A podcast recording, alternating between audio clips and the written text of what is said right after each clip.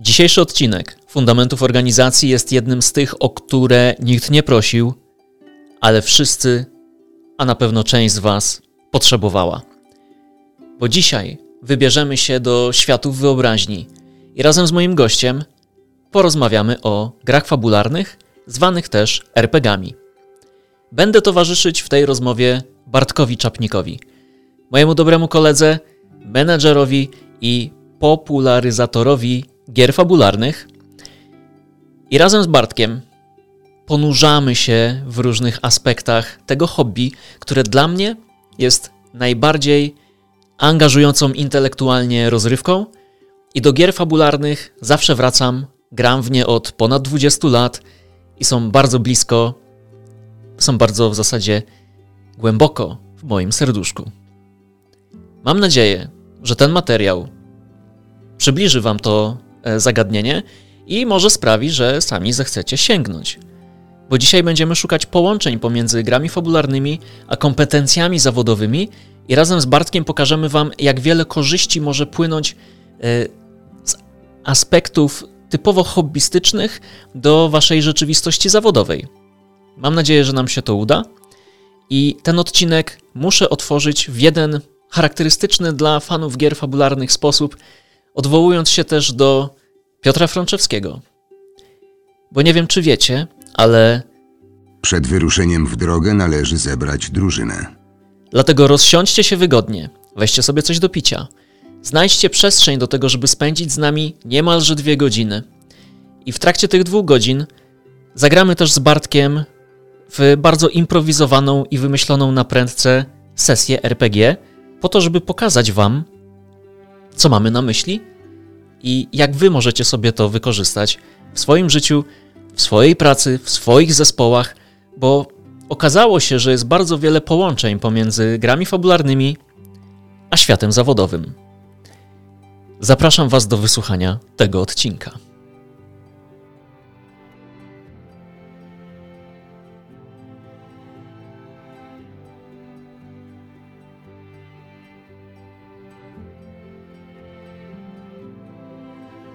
Pewnie zaczniemy ze dwa razy. Wiesz, wydaje mi się, że zawsze można zacząć od śmiechu. To jest dobre rozpoczęcie każdej rozmowy. Myślę, że tak i to otwarcie naszego spotkania jest świetnym zaczynem do tego, żeby na łamach mojego podcastu porozmawiać o czymś bardzo nieoczywistym.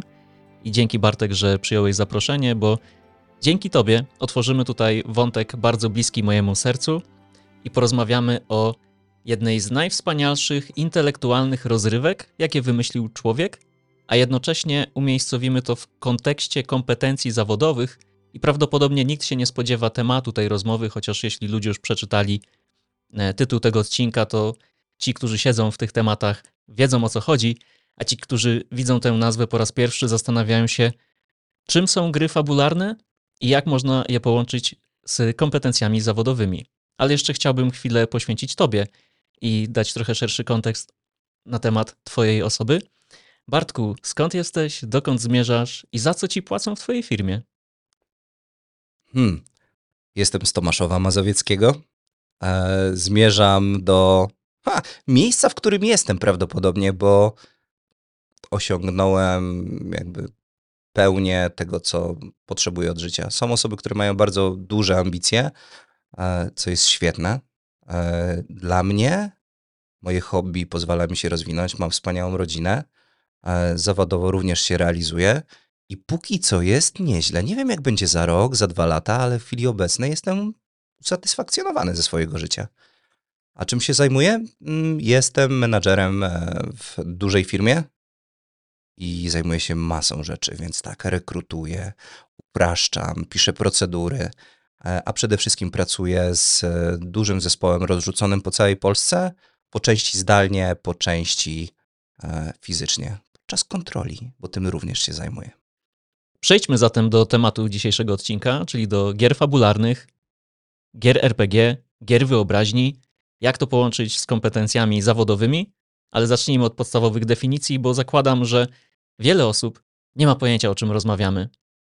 To jest bardzo dobry pomysł i na samym początku chciałbym wyrazić bardzo wielki sprzeciw e, temu, co powiedziałeś, ponieważ powiedziałeś, że to jest rozrywka intelektualna. Dla mnie jest to rozrywka emocji i dlatego tak się cieszę, że tutaj jestem, bo dzięki tym różnicom uda nam się dużo fajnych rzeczy pokazać. A, no pięknie, widzisz, ty patrzysz na to z tej perspektywy, ja z innej i ja, ja bym to połączył. Nie widzę, z mojej perspektywy te dwa tematy, te dwa aspekty się uzupełniają, to rozwalmy to definicyjnie. Czym, czym są gry fabularne dla ciebie? Gry fabularne dla mnie po pierwsze są cudownym e, sposobem na spędzanie wolnego czasu. E, są e, dla mnie sposobem uczenia się, ponieważ rozwijam się w tym i to jest akurat aspekt, w którym rosnę najbardziej, oprócz w pasie, bo w tym wieku to już można. E, Ale gry fabularne też są dla mnie mm, świetną okazją na spotkanie towarzyskie, a gdzie de facto nie rozmawiamy o dzieciach, psach, pracy, ale będąc ze sobą i oddając się tej rozrywce, możemy cudownie odciąć tą naszą rzecz, którą mamy na co dzień. Dzięki temu możemy się odprężyć, dzięki temu możemy wrócić do życia prawdziwego, pełni sił, zmotywowani i to jest naprawdę bardzo przyjemne. To prawda. Wszystko, co powiedziałeś, podpisuje się pod tym każdą kończyną i jednocześnie jakbyśmy to wzięli na taki poziom em, konkretu, bo to, co opowiedziałeś, jest tak wysokopoziomowo. E, Wysokopoziomowe korzyści, a gdybym w życiu nie usłyszał, czym są gry fabularne, to jakbyś mi o tym opowiedział, żebym zrozumiał? Miałem kilka razy okazję opowiadać to i to wcale nie jest proste, ponieważ e, same gry dla osób, które zagrały jedną, dwie sesje już e, są bardzo łatwe do wyobrażenia się, no bo znają. Ale e, dla was, drodzy słuchacze, postaram się powiedzieć to tak. Gry fabularne to są takie interaktywne książki, w których to ty kierujesz losem swojego bohatera. E, Istnieje taka rola, która się nazy- jest nazywana mistrzem gry, mistrzynią gry, mistrzem podziemi i jest to narrator, który rzuca przed bohatera bądź bohaterów, zazwyczaj takich bohaterów jest trzech, czterech, pięciu, wyzwania, a my poprzez wspólną rozmowę, poprzez odgrywanie, dokładnie takie same jak w teatrze, e, tworzymy opowieść, reali- realizujemy zadania i świetnie się przy tym bawimy. I to pewnie się też pojawi e, u części z naszych słuchaczy, bo używamy słowa gra. No jak człowiek słyszy to pojęcie, to myśli dobrze. To, co jest do wygrania, kto wygrywa, jak mogę zwyciężyć. A to zależy, e, ponieważ w większości e, gier fabularnych, bo rozmawiamy tutaj o grach fabularnych, nie grze fabularnej, bo tych gier jest bardzo dużo, zazwyczaj zwycięstwo jest zdefiniowane jako dobra, przyjemna rozrywka, która osiąga pewne cele, które sobie ustaliliśmy, na przykład wykreowanie emocji, rozwiązanie jakiejś zagadki, bądź jakby forma zmierzenia się intelektualnego, ale z drugiej strony część gier, jak teraz na przykład Kompania Ostrzy, którą e, z moimi przyjaciółmi rozgrywam, ma konkretny cel, czyli przejście z jednej części kontynentu na drugą część kontynentu, uciekając przed armią, która nas goni. A gramy w uniwersum Wiedźmina. Czyli, żeby to podkreślić, dużo dzieje się w tak zwanej fikcji i z punktu widzenia uczestników tej zabawy wcielamy się w zupełnie innych ludzi niż jesteśmy. A w zasadzie to często też nie są ludzie, tylko jakieś inne istoty. Roboty, elfy, krasnoludy, ale wydaje mi się, że chyba czasami jest łatwiej odegrać robota bądź elfa niż e, zupełnie inną postać. Więc dlatego jak powiedziałeś, że odgrywamy zupełnie innych ludzi, to tak naprawdę często ogrywa, odgrywamy zmienione wersje nas, czasami gorsze wersje nas, bo gry RPG wcale nie muszą być o czymś miłym, ale czasami też lepsze. Więc możesz być i paladynem, i złoczyńcą. Możesz wcielić się w szlachetnego rozbójnika, jak i okró- okrutnego łajdaka, który wyzyskuje innych ludzi. A wszystko to jest w pełni konsensualne. Jest to opisane pewnymi zasadami w postaci właśnie tej gry, tej książki, która pozwala toczyć historię dobrze. I tutaj jeszcze nadmienię jedną ważną rzecz, bo mówiliśmy o odgrywaniu postaci. My tak naprawdę nie odgrywamy scen, czyli nie czytamy scenariusza, tylko mamy jakby cele postaci. Wiemy, że nasz bohater jest waleczny, dobry, ale za to skryty, a to, co powie, to, co będzie chciał zrealizować, to my wymyślamy na bieżąco. Mamy tylko wskazówki, jak ta postać ma się zachowywać, co chce zrobić, więc to nie jest odgrywanie per se. To jest coś więcej. Mhm. I jest też ten narrator, mistrzyni gry, ktoś, kto kreuje całą rzeczywistość i tworzy kontekst sytuacji, w której gracze mają się odnaleźć i realizować, tak jak powiedziałeś, różnego rodzaju cele prowadzące do finału czegoś, co określa się często w tej rozrywce kampanii albo zakończenie sesji. Są takie pojęcia, którymi się tutaj operuje. Wydaje mi się, że chyba padnie coś, co w tym podcaście pojawia się dosyć często, czyli i tak, i nie, ponieważ część systemów nie posiada e, narratora. E, I podam taki bardzo prosty przykład. Stosunkowo nowa gra na polskim rynku jest to Zaginięcie Alice. E, gra, w której gracze nie rozmawiają ze sobą, tylko piszą do siebie na telefonach komórkowych. Jest to gra w pełni fabularna, konkretnie wcielamy się w grupę przyjaciół owej Alice i staramy się odnaleźć ją poprzez pisanie do siebie wiadomości tekstowych.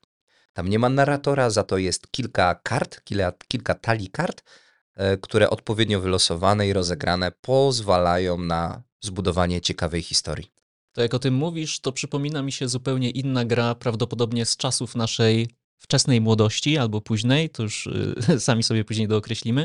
Gra się nazywa De Profundis i ten przykład, który ty użyłeś, a ja teraz y, dodam jeszcze e, De Profundis, pokazuje dużą moc gier fabularnych i cały taki szeroki kontekst tego, czego one mogą dotyczyć, bo w De Profundis wcielaliśmy się w badaczy, odkrywców jakichś tajemnic, żyjących w XVIII albo w XIX wieku, którzy pisali do siebie listy.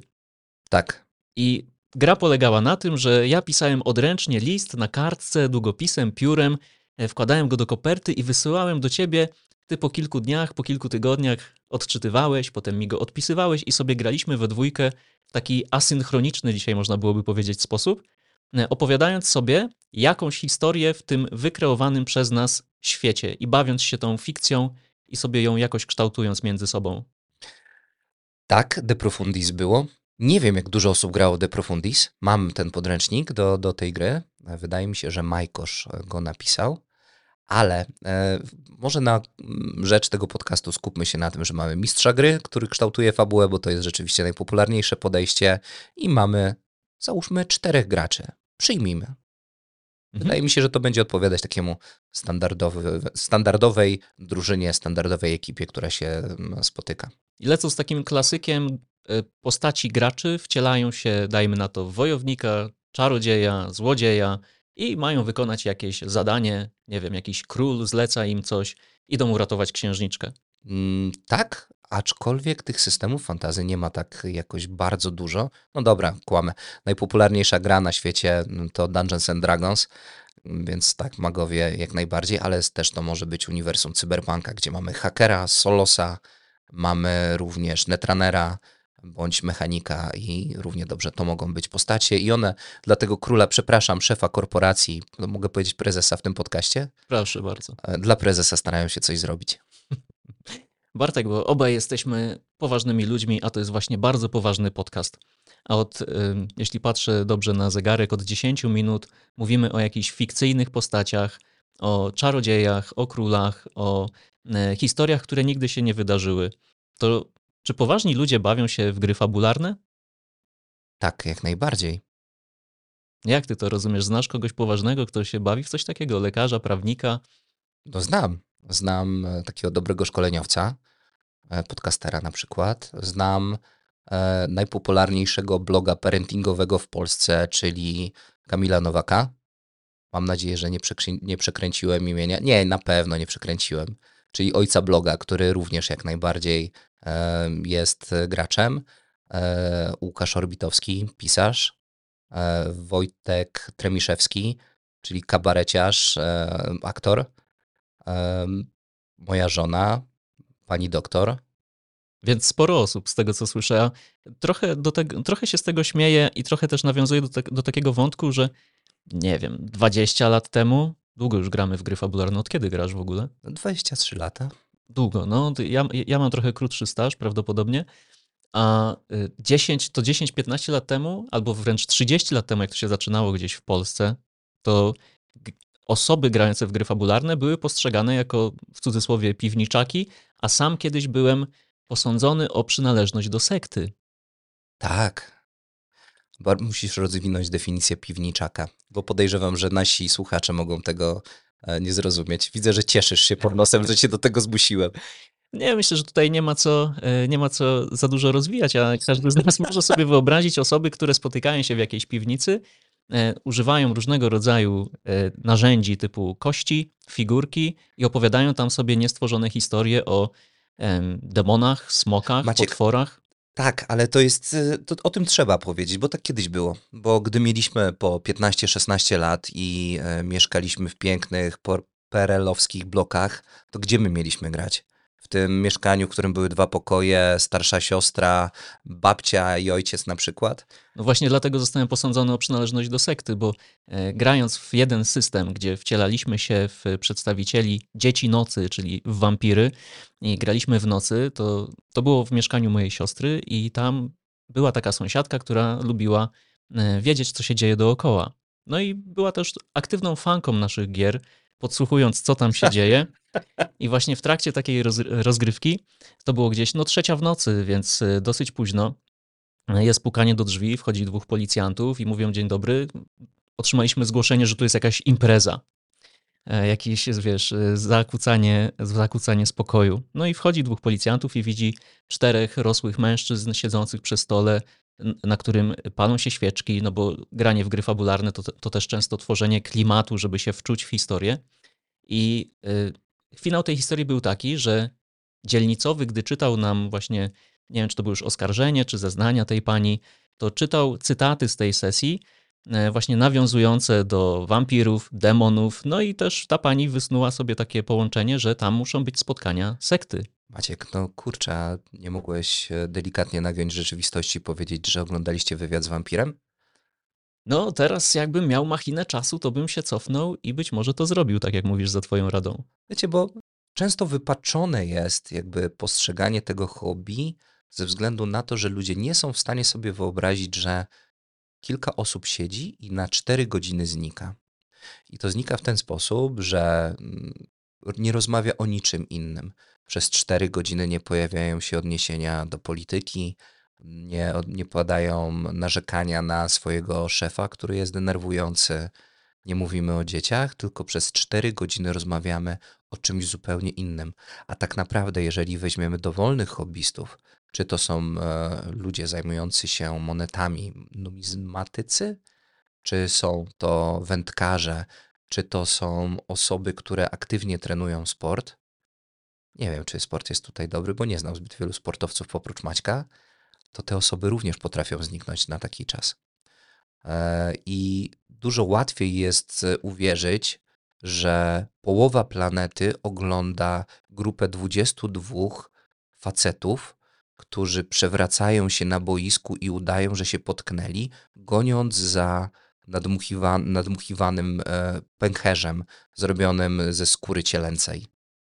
Jeżeli tak to przedstawimy, no kurczę, rzeczywiście pół świata ogląda, jak 22 chłopa biega z jednej strony boiska na drugą. A to, że grupa osób siedzi w jednym pokoju i tworzy razem historię, to już jest dziwne. Ale jak jedna osoba siedzi i tworzy historię ją spisuje na przykład na kartkę wydaje w postaci książki, no to już jest całkiem normalne. Ja myślę, że to już jest albo jest, albo zaczyna być coraz bardziej odczarowane na tę pozytywną już stronę. Tak, jak najbardziej. Um, tutaj wspomnę mm, kwestię streamowanych sesji RPG, e, gdzie dzięki takim osobom jak na przykład Karczmasz, e, który w chwili obecnej ma prawdopodobnie oprócz Michała Bańki kanał na YouTubie, ludzie często też zachowują się jak w przypadku tej piłki nożnej. Sami nie grają albo grają od wielkiego dzwonu, ale za to potrafią obejrzeć 6, 10, 4-godzinnych sesji w miesiącu. Czyli spędzają czas oglądając, jak ktoś inny gra. Tak samo jak kiedyś dla mnie nie do pomyślenia było oglądanie streamów z gier, to w tym momencie ludzie patrzą, jak pięć osób na ekranie monitora odgrywa jakąś historię. To prawda i nie, y, nie bez kozery zaprosiłem właśnie Ciebie do mojego podcastu, bo postrzegam Ciebie jako popular, popularyzatora tej formy rozrywki, e, tej formy spędzania wolnego czasu, bo nawet w wośpowy weekend brałeś udział w akcji, jak chcesz to ją śmiało zareklamuj i osoby, które za nią stają, stoją, w trakcie której zebraliście kilkanaście tysięcy złotych na wośp, grając w gry fabularne. Maciek, i wyobraź sobie, że dokładnie te same osoby e, kilkanaście lat temu siedziały w piwnicy, ponieważ nie miały gdzie grać. Najdziwniejsze miejsca, w których grałem sesję, to na przykład e, za czasów liceum w McDonaldzie w kąciku dla dzieci. No bo nie było miejsca, gdzie można było grać. A w tym momencie projektujemy swoje mieszkania w ten sposób, ja i moja żona, e, żebyśmy mieli możliwość wygodne, wygodnego rozegrania sesji. Więc Aniu, ustawimy sobie tą kanapę tutaj w rogu, tutaj damy stoliczek, tu dwa fotele i możemy wygodnie grać w pięć osób. Można tak. E, z ciekawostek e, odnośnie Wośpu, bardzo pozdrawiam Imaginarium RPG, czyli mój zaprzyjaźniony kanał. Kto tam był? No był tam na przykład sierżant Bagieta. Znasz sierżanta Bagietę? No to jest ten były policjant, najsławniejszy były policjant w tym kraju chyba. Dokładnie. E, grał tam też wcześniej wspomniany, tylko akurat u konkurencyjnej grupy, których pokonaliśmy podczas Wośpu. W ogóle polecam wszystkim pojedynkować się na Wośp, to więcej Kasu bierze pieniędzy.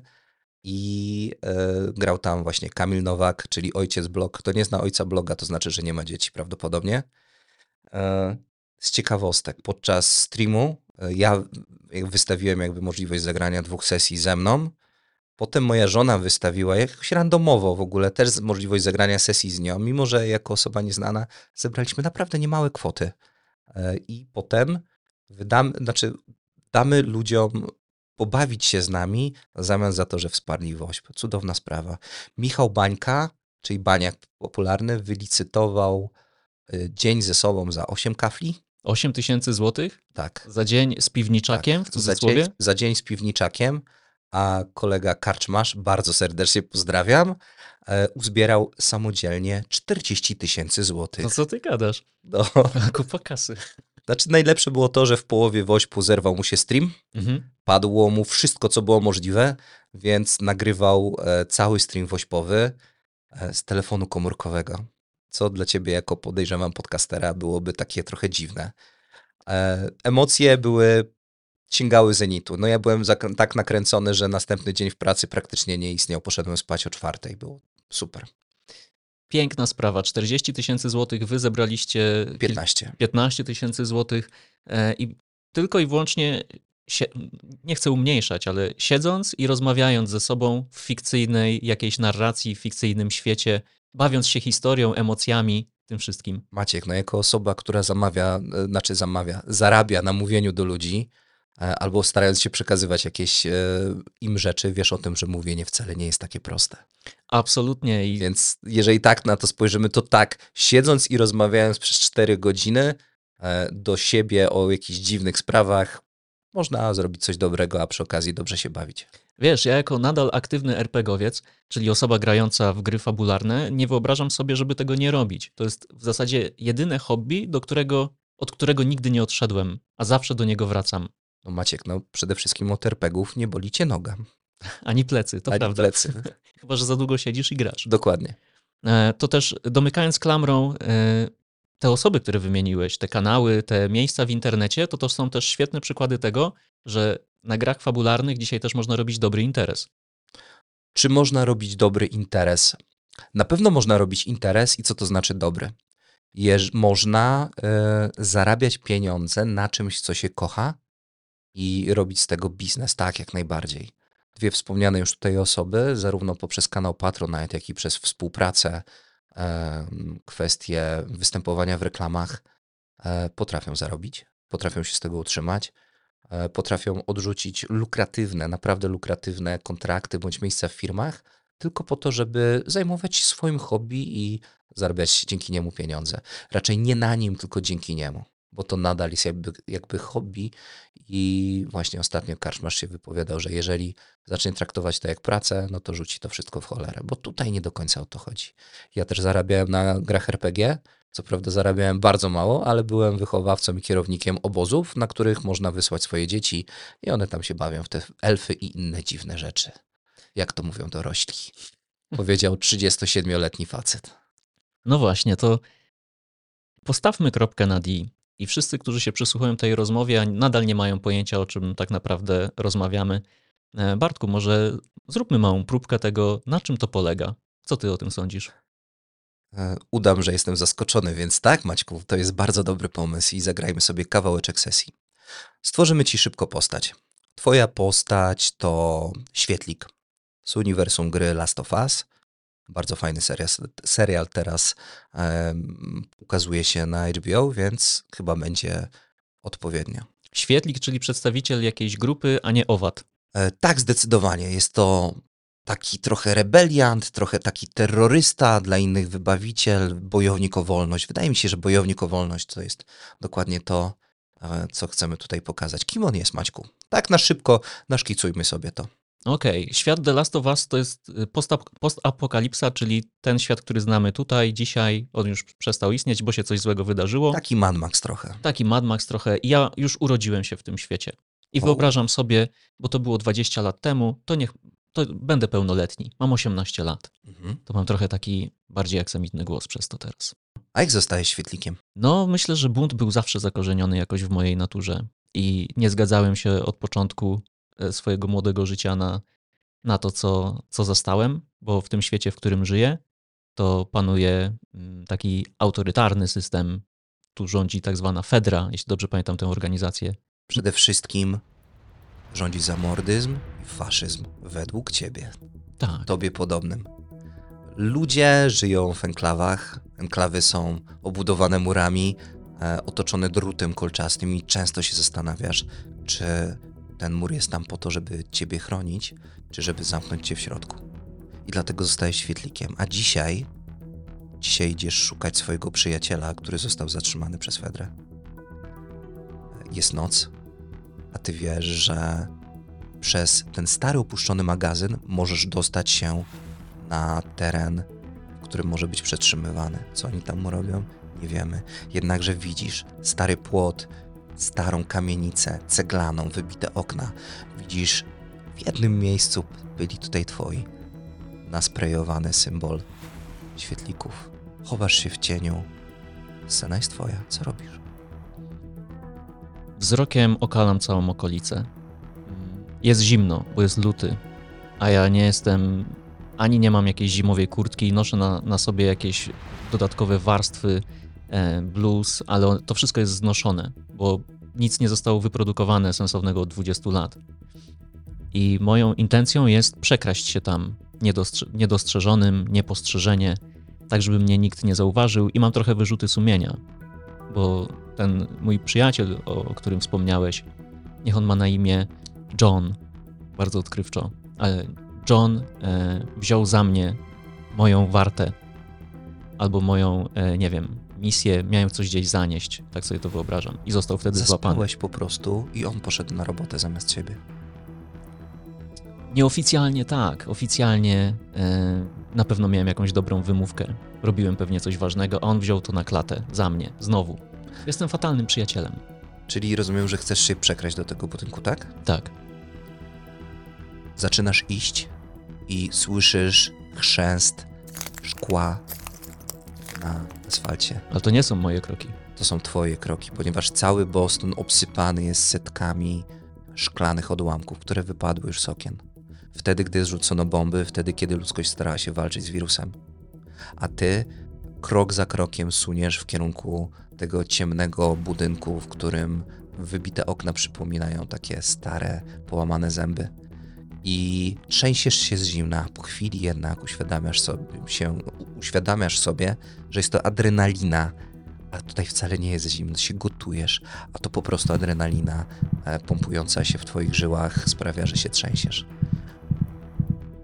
Mur nie jest wysoki, żeby dosięgnąć jednakże do najbliższego, niezabitego dechami okna, musisz się chyba wspiąć. Poszukam czegoś, co mi pomoże. W sensie chcę coś znaleźć, jakąś skrzynię, jakąś, e, jakąś drabinę. Nie jestem zbyt wysportowany, pomimo tego, że całe życie uciekam przed czymś. e, to raczej jestem takiej herlawej postury. Wózek. Wózek? Taki jak e, kiedyś słyszałeś, że jakim robiono zakupy. Patrzysz na rozmiar tego wózka i przypomina on ha, dziecięce łze- łóżeczko? Jak dużo rzeczy można byłoby do niego zmieścić? Napis Walmart. Kurczę, może ty nawet jakbyś się w nim zwinął, byłbyś się w stanie położyć. To jak oni często jeździli na te zakupy? Raz w miesiącu? Raz na dwa miesiące? I w ogóle, jak można mieć tyle rzeczy? To jest coś niesamowitego. No dobra, ale te myśli szybko je odganiam. Chcę się tam dostać, chcę mieć jak najszybciej z głowy ten temat, który właśnie zaprząta mi myśli. Używasz wózka. Tak, ale staram się, żeby on nie wydawał niepotrzebnych dźwięków, skoro już i tak trochę zacząłem hałasować tym, tym szkłem. Może jestem prze, przewrażliwiony. Jest, jest bardzo ważny problem. To jest wózek supermarketu. Doskonale zdajesz sobie sprawę, że to jedno kółko zawsze będzie kręcić się dookoła własnej osi i jest głośno. Ty się stresujesz, słyszysz jakiś ruch w alejce obok. Chyba zwróciłeś czyjąś uwagę. Przykucam. Staram się znaleźć jakieś zacienione miejsce i zastygam w bezruchu. Obserwuję. Pierwsze miejsce, które rzuca ci się w oczy, to taki stary, wypełniony śmietnik. Rzeczy wylewają się z niego. To są tak zwane kopalnie, artefakty czasami można tam znaleźć, ale rzucasz się, e, żeby przycupnąć i w tym momencie światło umiata ścianę, przed którą przed momentem stałeś. A teraz przyklejony, jak taki zaszczuty szczur, czekasz aż na zbliżający się patrol, który idzie w tym kierunku. Wręcz e, wstrzymuję oddech. To potrafię. Długo nie oddychać, bo to sprawia, że jestem takim trochę kameleonem przyklejonym do ściany. Zlewam się z otoczeniem. snop światła kieruje się nie, nie, nieubłaganie w twoją stronę i wiesz, że za dosłownie kilka sekund staniesz, zostaniesz ujawniony. Wiele razy już byłem w takich sytuacjach, zawsze mi pomagało szczęście i do ostatniego momentu będę po prostu przy tej ścianie przyklejony, nieoddychający i modlący się, żeby ten snop światła gdzieś opadł tuż przede mną, żeby mnie nie zauważyli. Zaciśnięte powieki sprawiają, że jest ciemno, ale policyjna latarka, która uderza w twoje oczy, sprawia, że nagle widzisz czerwień i słyszysz: No i kogo my tu mamy?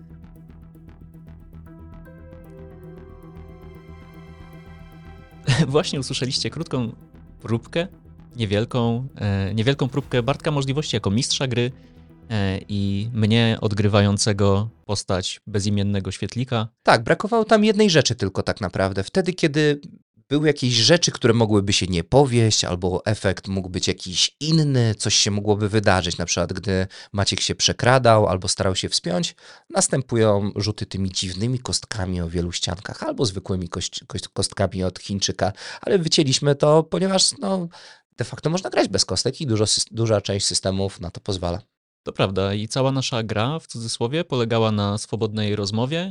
Ty tworzyłeś świat i otoczenie, ja dodawałem coś od siebie i wspólnie, tak jak mówiłeś e, o definicji gier fabularnych, interaktywnie opowiadaliśmy pewną historię. nie musieliśmy tworzyć. Ja widziałem serial, widziałem gameplay z gry, chwilkę pograłem, ty mm, też widziałeś niejednokrotnie, jak ktoś się przekrada, więc dzięki temu było to możliwe. I dzięki temu zagraliśmy sobie w ciągu 5-10 minut taką improwizowaną sesję. Tak. No i teraz, skoro już wiecie, czym są gry fabularne, z czym ludzie mierzyli się grając y, w tę, e, w tę właśnie formę rozrywki, e, to zastanówmy się, jak to przełożyć na kompetencje zawodowe, bo o tym dzisiaj rozmawiamy. O grach fabularnych i kompetencjach zawodowych. Ja sobie tak myśląc i e, o tym temacie przed, e, przed naszym spotkaniem, i teraz grając z tobą i słuchając twoich plastycznych opisów świata, e, sytuacji, jak mówiłeś o tym pękającym szkle e, pod stopami e, mojej postaci, to pierwszą kompetencją, o jakiej ja sobie myślę, to jest taka swoboda wypowiadania się i w ogóle swoboda prezentacji, co w biznesie jest często na wagę złota, bo w pracy, w zespole, nie raz, nie dwa trzeba coś zaprezentować, trzeba coś sprzedać, trzeba zapiczować, trzeba opowiedzieć jakiś pomysł albo jakąś wizję. No i co ty sądzisz o tej kompetencji zawodowej związanej z łatwością w wypowiadaniu się? Bo jak cię słuchałem, gdy prowadziłeś mi tą mikrosesję, to tak sobie myślę, gość usiadł, i z taką łatwością i plastyką opowiada o tym świecie.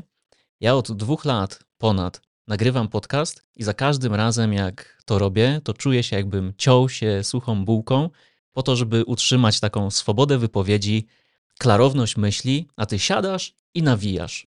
To dzięki RPGom, czy się taki urodziłeś, czy jak to robisz? Wydaje mi się, że każda z tych rzeczy, no bo łatwość wypowiadania się może być związana zarówno z oczytaniem, jak i wiem, jakimiś cechami wewnętrznymi, ale na pewno poprzez to, że jestem zmuszony przy stole siedzieć i rozmawiać, a jak już wcześniej powiedzieliśmy, nie jest to proste, to człowiek uczy się. Na przykład możesz podejrzeć, jak robi to kolega, który siedzi troszeczkę dłużej albo wypowiada się ciekawiej. Zwyczajny człowiek, czyli Leszek Cibor, jest członkiem tej takiej śmiesznej grupy, śmiesznej w znaczeniu ciekawej, która szkoli się w mówieniu. Podpowiesz mi, jak to się nazywa? Nie mam pojęcia, kim jest Leszek Cibor. To jest zwyczajny człowiek. Okej. Okay. YouTuber. Tak. No. Oczywiście. I on, też gra, I on też gra w RPG? Oczywiście, że tak. No Albo dobra. grał przynajmniej. E, I przy okazji Toastmasters. I on jest, szkoli e, z przemawiania i podejrzewam, że RPG tutaj też miały naprawdę coś e, do powiedzenia. No, widzisz, nawet potrafię rymować dzięki RPGom. Nawet nie wiesz, kiedy rymujesz. To znaczy, ja się 100% pod tym podpisuję, że gry fabularne, aktywne granie w nie pomaga w kształceniu tej umiejętności, kompetencji wypowiadania się, bo sam ją posiadam. Ja podejrzewam, że tutaj bardzo dużo daje kwestia tego, że wcielamy się w osobę inną. Bo gdy wcielamy się w inną osobę, to wtedy musimy się bardziej zastanowić nad tym, co chcemy powiedzieć. A gdy jesteśmy takim zwykłym ziutkiem, Maćkiem bądź Bartkiem, to niespecjalnie zastanawiamy się, zastanawiamy się nad tym, co nam ślina na język przynosi. Ale gdy już jesteśmy dzielnym elfem, bądź mrocznym krasnoludem, bądź e, dealerem, bądź księżniczką, no to wtedy musimy już e, zastanowić się nad tym, jaka kolejne słowa wyjdą z naszych ust. To prawda.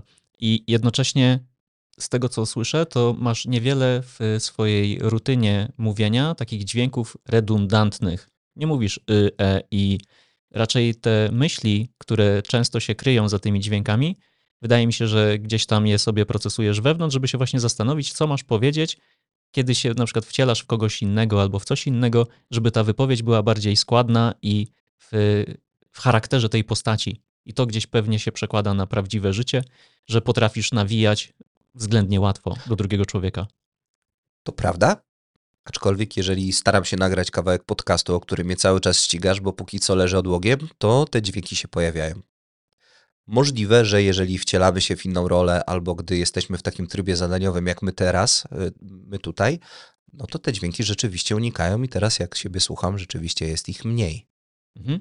I też y, ja tutaj widzę takie połączenie między swobodą wypowiadania się i w ogóle umiejętnością mówienia, a grami fabularnymi w tym, że gry fabularne, to co już padło w naszej rozmowie, polegają na rozmowie. Tak. Więc się w tym kształcimy. I jednocześnie ta rozmowa musi mieć jakiś cel. Też o tym mówiłeś, że gry fabularne potrzebują jakiegoś celu. Oj, bardzo potrzebują celu. Dlatego, że takie wcielanie się w rolę, samego wcielania się w rolę, to już to nie są gry. To jest trochę teatr.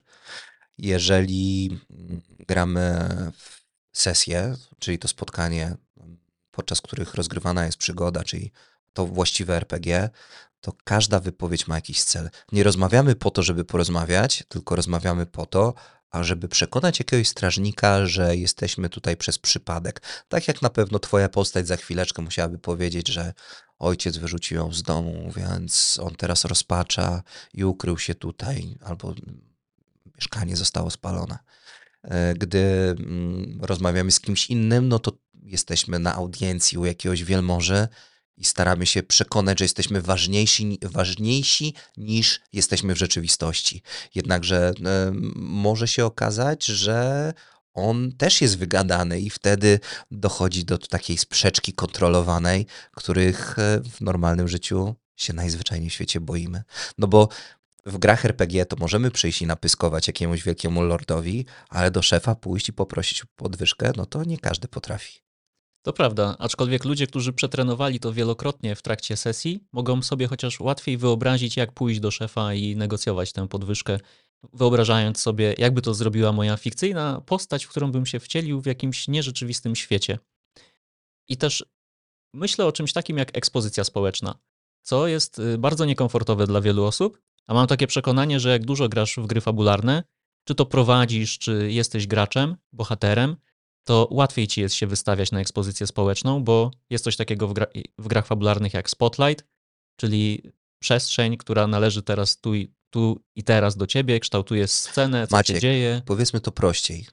Wszyscy w kółeczku już coś powiedzieli, więc teraz ty musisz coś powiedzieć. I podobnie jak na zebraniach, na stand-upach, no to musisz zacząć mówić i mówisz, i mówisz.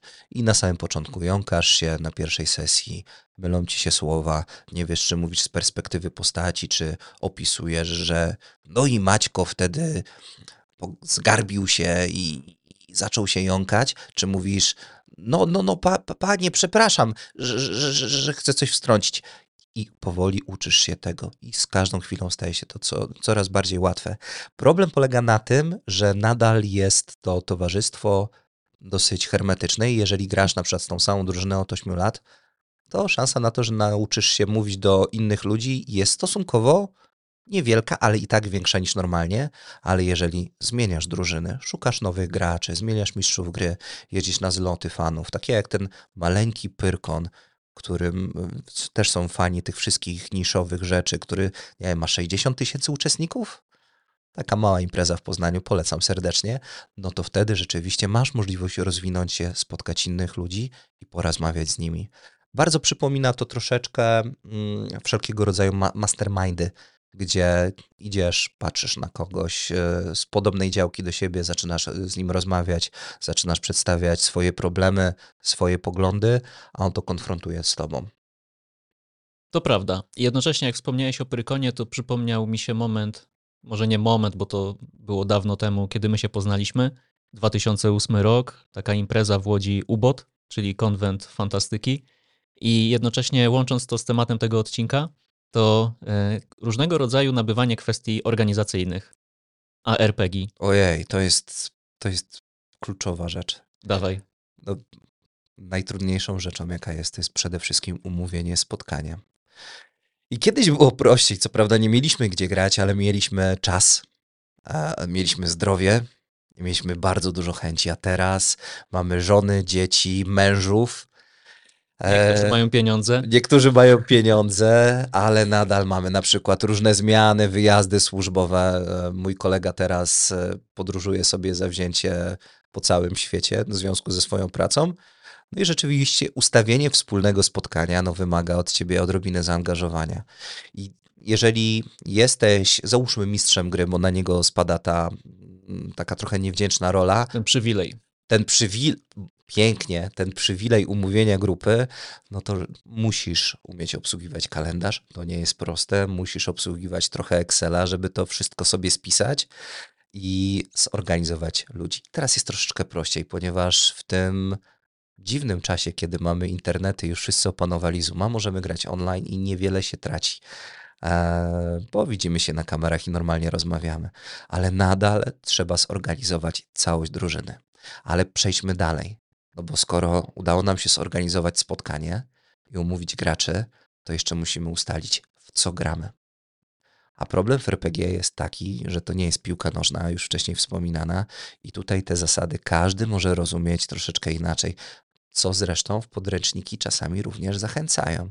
Więc musimy usiąść i ustalić wspólną wizję tego, w co gramy. Musimy porozmawiać, czy to odpowiada z każdym z graczy. Potem wypadałoby, ażeby porozmawiać na temat tego, co konkretnie ma się dziać na tej sesji.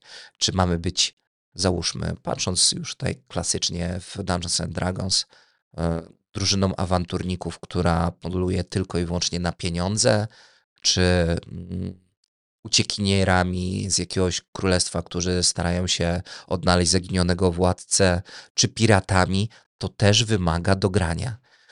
Potem jeszcze dodatkowo warto omówić zasady bezpieczeństwa na sesji, czyli wątki, których nie chcemy poruszać.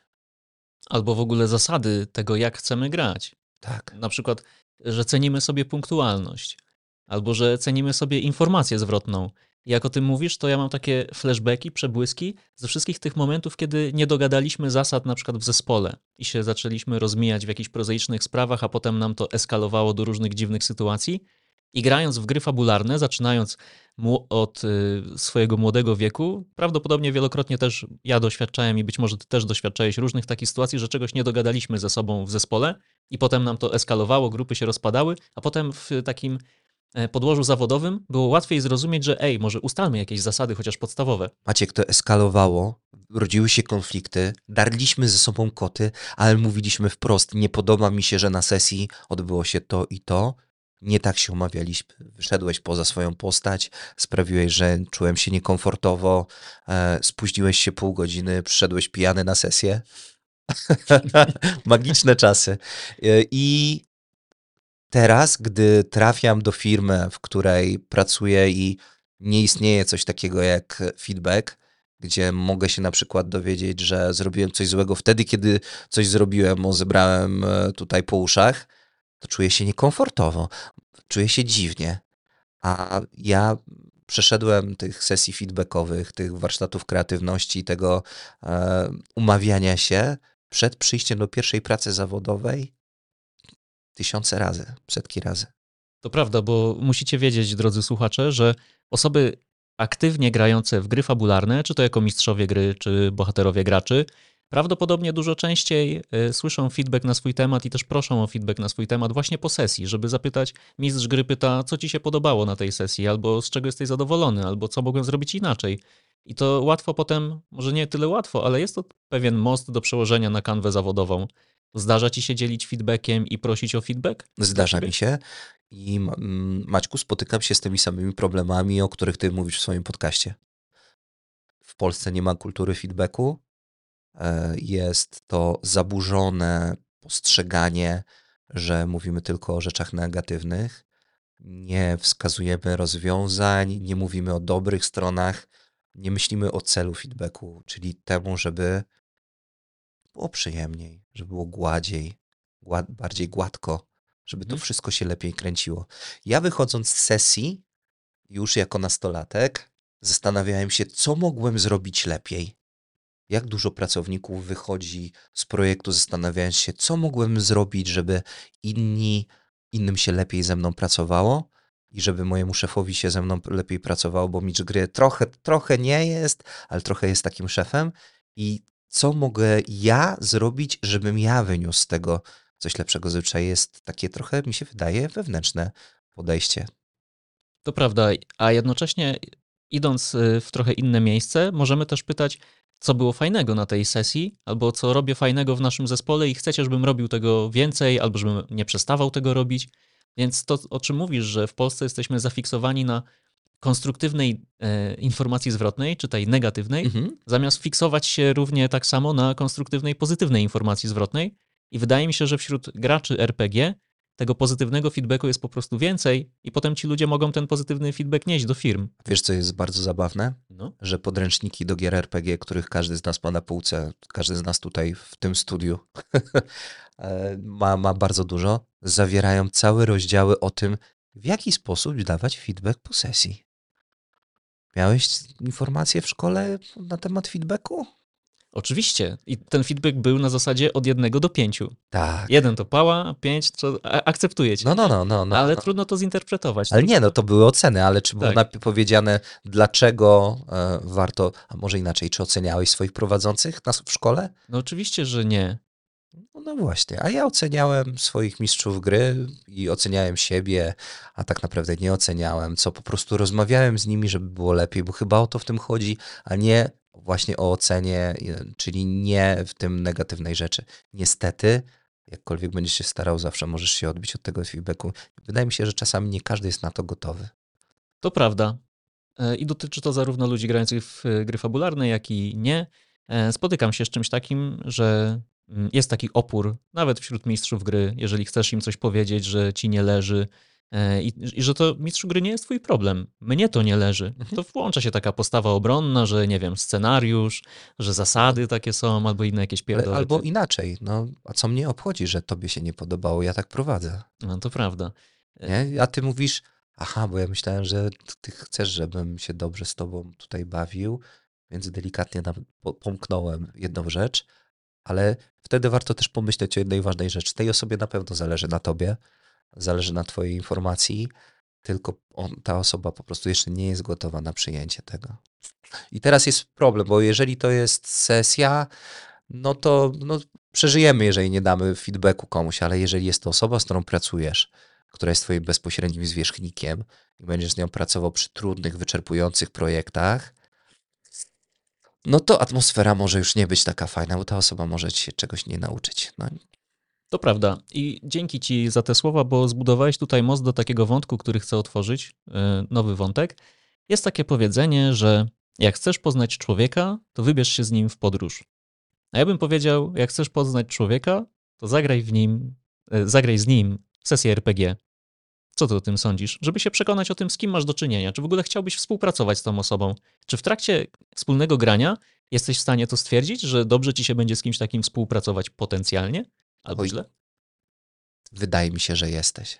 Ponieważ podczas sesji RPG uruchamianych jest tak wiele różnych czynników, tak wiele sfer naszej osobowości, różne rodzaje inteligencji, że jesteś w stanie zobaczyć chociażby na przykład, no, sposób wypowiadania się, umiejętności społeczne, kwestia to, czy jest w stanie przyjąć konstruktywny bądź jakikolwiek feedback, bądź go udzielić. Jak się z tym czuje? Możesz nie tyle zobaczyć, czy z tą osobą będziesz pracować, tylko jaka jest ta osoba. Możesz zobaczyć jej wewnętrzny poziom energii. Czy to jest taka lekka trochę ciapa, która też może być jak najbardziej wartościowym członkiem zespołu, czy jest to człowiek, który swoją energią wpadnie ci do firmy, ją rozwali na kawałki, ponieważ nie będzie w stanie usiedzieć, będzie ciągle chciał coś zmieniać, a jeżeli twój e, styl jakby prowadzenia tej firmy nie jest taki jak tej osoby, no ta osoba będzie się frustrować, a potem rzuci papierami. Ja jestem na przykład taką osobą, która ma taki bardzo wysoki poziom energii, ja ciągle szukam rozwiązań, e, drążę dziury w całym, no bo jak mnie coś gryzie w tyłek, no to ja lubię to zmienić. I myślisz, że jak grasz w gry fabularne, to to też gdzieś u ciebie się przejawia? Że ludzie mogą to zobaczyć, że tak masz? Totalnie. I to nie podczas samej gry, ale przed grą. Ja zagaduję tu do graczy, tutaj do mistrza gry, tu coś tworzę, tu coś proponuję. Po grze staram się dowiedzieć, a może tak, a może siak. W czasie gry też jestem osobą, która generuje konflikty pomiędzy graczami, ponieważ mi zależy właśnie na emocjach. Gram w sposób taki chyba dosyć nietypowy, czyli gram pod ładne sceny, a nie pod swoją postać. Mhm. Może to jest typowe, nie wiem, nie znam się, ale na przykład spotykam się z tym, że ludzie nie rozumieją mojego podejścia. Wydaje mi się, że to, co powiedziałeś, należy podkreślić, bo ja spotykam e, dwa rodzaje ludzi. Pierwszy rodzaj gra, e, gra w gry fabularne i robi rzeczy po to, żeby, nie wiem, albo się dobrze bawić, albo żeby ludzie osiągali wspólne cele, albo żeby nam było po prostu ze sobą dobrze. I trochę tak odczytałem Twoją e, wypowiedź, te ładne sceny, że to może być to. A drugi typ człowieka e, gra pod to, co ma w scenariuszu. I pałuje ludzi tym, że mam taki scenariusz i idziemy tym scenariuszem i mam jakąś swoją agendę, którą muszę dowieść do końca albo skisnę. I wydaje mi się, że w relacji zespołowej dużo lepiej jest grać z kimś, kto jest, no, gra na ładne sceny, bo ładna scena może dać y, tobie trochę mniej tego spotlightu, o którym mówiliśmy, a dać go mnie więcej. Bo jak mówimy o tym wspólnym graniu, żeby poznać człowieka, to ja myślę o tym, w jaką rolę wejdziesz w zespole. No bo grając w gry RPG jesteśmy zespołem. Mistrz gry też jest częścią zespołu, chociaż powiedziałeś, że trochę to taki szef ale nadal, szef nadal jest częścią zespołu. No, jest częścią, tutaj nie trochę jest częścią zespołu. Nawet jeżeli to jest szef, który siedzi za drzwiami i wychyla się raz na jakiś czas, to jest tym głównym złym, który pojawia się po prostu jak Sauron raz na, nie wiem, 60 stron książki. No właśnie, więc jeśli jestem szefem, który pałuje swoich ludzi, bo ma swoje y, tabelki, Excele, czytaj scenariusz, to ludzie będą nieszczęśliwi. Jeśli jestem szefem, który uważa, że jest integralną częścią zespołu i będę grać pod ładne sceny, przepraszam, czyli oddawać trochę spotlightu moim ludziom, żeby oni wzrastali, to to też wyjdzie w grach fabularnych. Wyjdzie, jak najbardziej. Wiesz, Maciek, teraz sobie tak myślę o rzeczach, którą często spotykam u osób, które są moimi podwładnymi troszeczkę w moim zespole, gdzie na przykład gdy przychodzi klient roszczeniowy do sklepu, są dwa podejścia. Możesz albo spróbować się załagodzić sytuację, albo nie tyle załagodzić, co po prostu zamknąć ją tak szybko, jak to jest możliwe, bo czasami nie da się danej rzeczy deeskalować, a są osoby, które patrzą się na tego klienta roszczeniowego, idą w zaparte, pomogą, uśmiechają się delikatnie, nie da się, nie zrobię tego, przykro mi, proszę pana. I grając w grę RPG bardzo łatwo można zobaczyć takie osoby. Dlaczego łatwo? Ponieważ takie osoby zaczynają się zachowywać w ten sam sposób wobec współgraczy. A jeżeli potrafią zachowywać się wobec współgraczy w taki sposób, to jak będą się zachowywać w sposób w stosunku do osób innych. To prawda. Będziemy żyć wtedy w bardzo okrutnym świecie. Ciężko jest coś ukryć, e, grając ze sobą w gry RPG. Rozszczepa, rozszczepanie, nie wiem jak to się mówi, ale takie rozlatanie. Że ktoś jest bardziej rozkojarzony niż powinien być. Tak, labilność emocjonalną, e, kwestie gniewu, bo gniew też się pojawia. Tam ukradłeś mi, ja to miałem, to była moja korona, to jest mój miecz. E, ale to nie powinno być tak. I widać, że okej, okay, zależało ci na tym, ktoś podejdzie, mm, no nie podobało mi się to, kurczę, mogłeś tutaj zrobić, ale spoko, ja wiem, że tego już więcej nie zrobisz. No i patrzę, już okej, okay, dogadam się z tą osobą. Bartek, ja zaprosiłem cię też w pewnym celu i powiem ci wprost. Postrzegam ciebie jako dużo bardziej empatyczną osobę niż siebie samego i żebyś mnie dobrze zrozumiał i drodzy słuchacze też, żebyście mnie dobrze zrozumieli, uważam, że empatia jest super potrzebna w biznesie, bo są dwa składniki niezbędne do właściwego podejmowania decyzji. Pierwszy składnik to są dane. Potrzebujemy mieć dobre dane i umieć je analizować, żeby podejmować właściwe decyzje. Drugi składnik to jest intuicja, która często wychodzi z empatii. Empatia to jest ta zdolność współodczuwania stanu emocjonalnego drugiego człowieka, a często to się łączy z intuicją. I zastanawiam się, i mam nadzieję, że ty mi pomożesz w tych rozmyślaniach, jak gry fabularne mogą pomagać innym ludziom być bardziej empatycznymi. Bo mimo wszystko w biznesie jest to coraz bardziej rozumiana, szanowana e, kompetencja, którą coraz więcej osób chce pozyskać. To jest bardzo trudne pytanie, ale to jest bardzo dobre pytanie. Mm, tak jak mówiliśmy na początku mm, o celach gier fabularnych. I chyba wspominaliśmy obydwoje, że głównym celem gier fabularnych jest sprawienie, żeby wszyscy dobrze się bawili. A Maciek, no nie da się sprawdzić, czy wszyscy dobrze się bawią, jeżeli nie jesteś empatyczny. Ponieważ ludzie, jeżeli nawet będą się bawić źle, to powiedzą ci, że dobrze się bawili. Bardzo często tak jest. Więc musisz odczytać, które momenty im się podobały na sesji, a tego ci nie powiedzą, ponieważ jest nędzna kultura feedbacku nawet u RPGowców, więc musisz się wysilić, żeby prowadzić fajne sesje, żeby grać jako dobry gracz. Musisz zauważyć, w którym momencie przeginasz, że kradniesz spotlight, czyli grasz jakby więcej niż inni gracze, przez co oni nie mogą pograć. Musisz nauczyć się, że nawet jeżeli masz flow i opisujesz cudowne rzeczy, które robi twój bohater i rozmawiasz z mistrzem gry i jest tak cudownie, to w pewnym momencie musisz się zamknąć.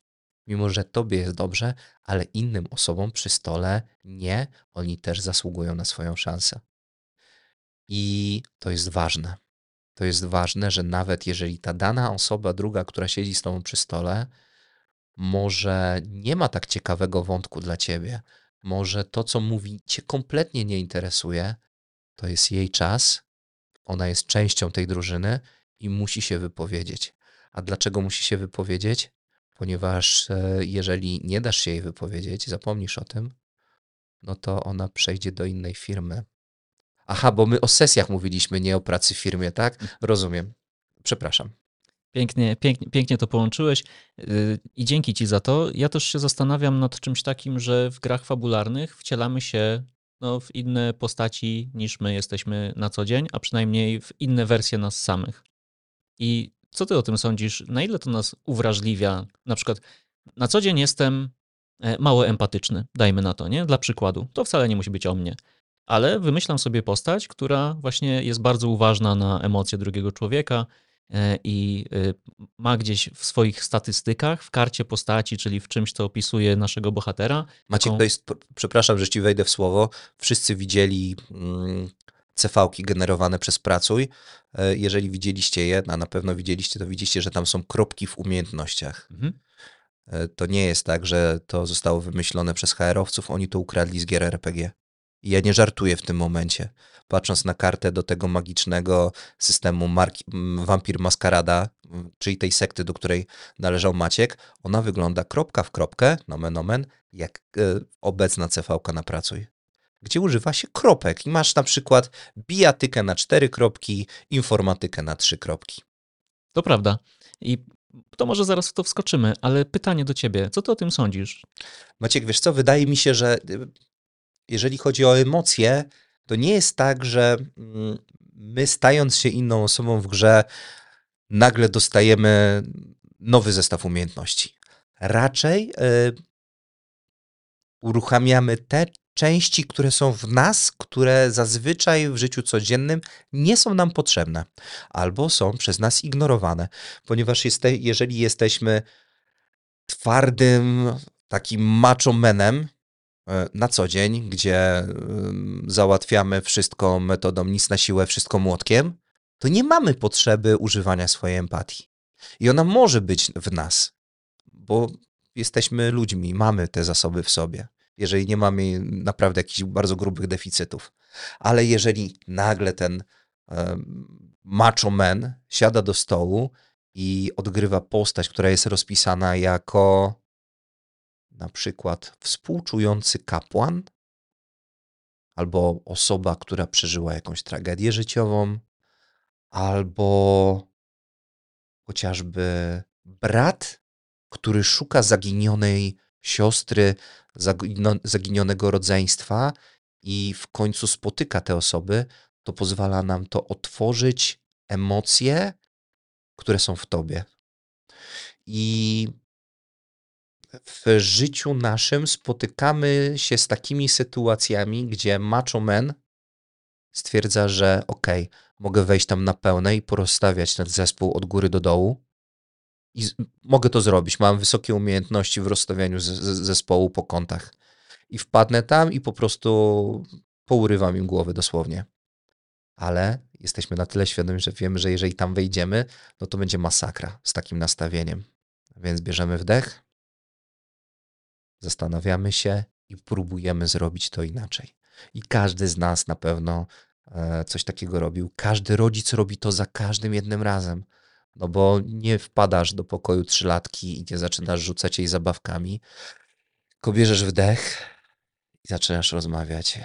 Jak, jak Gutko, naprawdę malowanie po ścianach nie jest dobrym pomysłem. Widzę, że pokusa, pokusa jest duża, żeby zrobić to, co mówiłeś. Jest duża i może właśnie dlatego nasz kolega, który, który gra w RPG, jest takim świetnym blogerem parentingowym, ma świetną książkę. E, nie ma idealnych rodziców. Polecam w ogóle każdemu rodzicowi. Jak zwykle pewnie pomyliłem nazwę, ale macie tam linka, pewnie wrzuci. E, no bo słuchajcie, każdy z nas ma utarte ścieżki e, działania ale utarte ścieżki działają tylko wtedy, kiedy działają dobrze, a czasami trzeba zejść na bocznicę i użyć tych takich bardziej zardzewiałych ścieżek, czyli jakiejś empatii, na czasami spróbować, czasami spróbować wysłuchać. No, ale y, to trzeba trenować, a gry RPG to bardzo ładnie trenują. To prawda, są świetnym treningiem różnego rodzaju umiejętności społecznych i otworzyłeś kilka chwil temu ten wątek e, cefałek, i zastanawiam się, czy widzisz jakieś połączenia pomiędzy różnego rodzaju kompetencjami pomagającymi człowiekowi znaleźć pracę e, z grami fabularnymi. Jakoś ci się to łączy? Tak. Opowiesz? Nagrałem na ten temat odcinek swojego podcastu, więc nie wiem, czy mi się chce. Ale pokrótce słuchajcie, bo to jest naprawdę świetna sprawa. Odcinek ma chyba, nie jest półtorej godziny, gdzie ja opowiadam o tworzeniu postaci takiej, którą się odgrywa w RPG i na odwrót i otworzeniu swojej własnej cefałki. Ale ten odcinek jest dostępny w internecie? No jasne, że jest. Półtorej godzinny? Nie wiem, nie pamiętam, to było dawno, bo No potem, dobra, to potem nie, nie goniłeś mnie do nagrywania następnych, więc już mi wyleciało. zawsze to jest czyjaś wina, masz rację. Więc jakbyś mógł y, przekazać syntezę tego połączenia między grami fabularnymi a szukaniem pracy? E, No, przede wszystkim tworząc postać, e, musimy przekazać jakby cel stworzenia tej postaci, tak? I jeżeli szukamy pracy, no to też jakiś cel się tam znajduje. Bardzo często te cele nie są ani wyszczególnione, ani nie uświadamiamy sobie tych celów, nie myślimy o tym, jak nasza kariera ma się rozwijać. Tak samo tworząc postać, raczej tworzymy sobie kogoś ciekawego, ale nie do końca zastanawiamy się nad tym, co taka osoba będzie robić na danej sesji. Czyli łącząc te dwa wątki, e, będąc bardziej świadomym e, graczem, bardziej świadomie tworząc postać do sesji, do briefu, który dał ci mistrz gry, chcę robić super sesji, gdzie gramy piratami, no to fajnie, że jeżeli stworzymy postać, która będzie wnosić ciekawe momenty. Będzie albo super piratem, albo na odwrót będzie tragicznym piratem, dzięki czemu będzie wnosić wątek komiczny. Ale to czekaj, bo za chwilę osoby, które są bardziej takie mm, zero, zero-jedynkowe i potrzebujące konkretu, pomyślą, to co ja mam zrobić z moim CV? Opisać tam jakąś fikcyjną postać jako siebie, czy Nie, o to ale chodzi? e, tak naprawdę dzięki grom RPG jesteś w stanie napisać kartę swojej postaci. Jesteś w stanie rozpisać siebie na statystyki. Jesteś w stanie rozdzielić te kropki nie tylko wobec e, tego, co ci po- proponuje pracuj, ale na, możesz e, w sposób taki w miarę, mi się wydaje, prawidłowy określić to, co osiągnąłeś, w czym masz deficyty, nad czym musisz popracować. E, I to daje gigantyczną korzyść. To, to jest naprawdę bardzo, bardzo dobra rzecz. Mało osób potrafi sobie wpisać w cv że średnio rocznie przechodzę 64 warsztaty kreatywnego myślenia, e, takie czterogodzinne. A ja mogę to wpisać. I te 60, 64 warsztaty to są 64 sesje, które mniej więcej grasz w roku. I mają 4 godziny. Ja Mhm. chyba troszeczkę e, przesadziłem z ilością, ale mam koleżankę, pozdrawiamy Gosię, która gra 170 sesji rocznie. Każda po 4 godziny, policzcie sobie, ile to jest, e, to jest czasu. To No to, jest, to jest świetny wątek, bo e, ludzie, którzy wpisują sobie na przykład taką umiejętność w CV i kreatywność, o, piękne to jest. później nie potrafią powiedzieć, e, co to znaczy według nich. Nie? Jak zobaczyć, że jesteś kreatywna albo kreatywny? Maciek, to jest pikuś, to ja zazwyczaj lubię się pytać takiej osoby, to w jaki sposób ostatnio wykazał się pan kreatywnością? I te osoby robią, aj, a możesz powiedzieć, znalazłem super sposób na ubicie smoka i zrobiłem to w taki, w taki, taki sposób, a druga osoba mówi, mm, okej. No nie, nie do końca tutaj pewnie e, nie każdy rekruter to wychwyci. Z drugiej strony, jeżeli opowiesz to ładnie, będziesz mówić to z przekonaniem, no to przy okazji może zainteresować rekrutera czymś ciekawym. Z trzeciej strony, jeśli mamy w naszych sesjach różnego rodzaju zagadki logiczne, bo często one lubią się pojawiać, to to też może być przejaw kreatywności. Prowadziłem warsztat, w trakcie którego e, uczestnicy rozwiązywali różnego rodzaju zagadki logiczne, które nie wiem, albo wymyśliłem, albo sobie zapożyczyłem i może, drogi rekruterze, chcesz taką sobie właśnie rozwiązać. Chcesz zrobić ze mną scenkę, Maciek? Naprawdę? O, Możemy robić scenki do, do upadłego. Robię je co tydzień i bardzo lubię scenki. Wiesz co, ja nie lubię scenek. E, nie wiem skąd pomyślałeś, że chcę, ale jeśli to będzie miało jakieś połączenie z tematem naszej rozmowy, to śmiało. Nie, właśnie mówię o scenkach. Ja wiem, że się odchodzi od scenek. okej. Sam też wspominałeś w, w swoim podcaście, że ty scenek nie lubisz, ponieważ. Ale właśnie mam do ciebie pytanie, bo ty powiedziałeś, że nie lubisz scenek, ponieważ one nie potrafią w sposób prawidłowy określić umiejętności drugiej, albo któryś z twoich gości. Nie pamiętam. Gdybym miał się do tego odnieść, co powiedziałeś, to takie scenki ja sobie wyobrażam jako taki y, trening, mm, jak zanim astronauci polecą w kosmos, Mhm. to są sobie w y, tym, y, nie w NASA dla uproszczeniu i tam wykonują różnego rodzaju działania w symulowanym otoczeniu, Tak, które udaje rzeczywistość. tak. I scenki są czymś właśnie takim. Możemy trzaskać scenki, nie wiem, sprzedażowe, nikt tego nie lubi. Nie wiem, może ty lubisz, ale mało osób to lubi. Niemniej, im bardziej się wykrwawimy na scenkach i na scenkach porobimy głupie rzeczy, to mniej będziemy krwawić na przykład w kontakcie z klientem. Tak. I w grach RPG też bardzo łatwo możemy trenować różnego rodzaju sytuacje społeczne. To prawda. Wiesz co, bardzo fajnie wychodzi jeszcze jedna rzecz, E, tworzenie planów. Hmm? E, część sesji RPG mm, polega na tym, że mistrz gry opisuje jakiś problem przed graczami, przed drużyną i mówi, że musicie się włamać do e, tego hotelu. I gracze myślą, a może to trzeba zrobić z tej strony. Siedzą przy stole, rozmawiają, omawiają plan e, rabunkowy. Ja bym się cofnął jeszcze o krok, jeśli pozwolisz, bo jak y, mistrz powie, że musicie coś zrobić, gracze mogą pomyśleć, nie no, wcale nie musimy, bo nas to nie, może nie interesować. Tak. Więc to też jest świetna umiejętność, która się rozwija w otoczeniu gier fabularnych. Wydaje mi się, że to rozdzielmy, że z jednej strony mistrz gry musi przedstawić problem drużynie tak, Tak. żeby ona była w nim zainteresowana, tak? A z drugiej strony, jeżeli drużyna to podchwyci, to ona jeszcze musi opracować ten problem. Dokładnie. Mnie to, przyznam szczerze, już nudzi, ponieważ ja wiem, w jaki sposób trzeba napaść na bank. Ponieważ wiem, że trzeba pójść do toalety. Trzeba zostawić w toalecie mały ładunek wybuchowy, który wysadzi nam toaletę. Przez co przyjedzie straż pożarna, a my w tym czasie przebraniach wyjdziemy i wejdziemy do środka. I mam wszystko. No, układanie planów w tym momencie wydaje się być bardzo proste. Co więcej, w związku z tym, że gracze improwizują na sesji, to wiem, co się może wydarzyć nie tak. Strażacy mogą na przykład rozpoznać symbole naszej jednostki, które mamy na piersiach i stwierdzą, ej, wy jesteście z 42 brygady, a my jesteśmy z tej, co wy tu robicie? Chcesz powiedzieć, że. Bo mówimy o roli mistrza gry, że nie ma sensu układać planów, bo gracze i tak wymyślą coś innego? Wydaje mi się, że trzeba to zrobić inaczej. Trzeba tworzyć dobrą opowieść razem z graczami. Mhm. Kiedyś, mm, jeżeli się zaczyna być początkującym mistrzem gry, i to chyba każdy mistrz gry tak robi, to tworzymy scenariusz naszej przygody.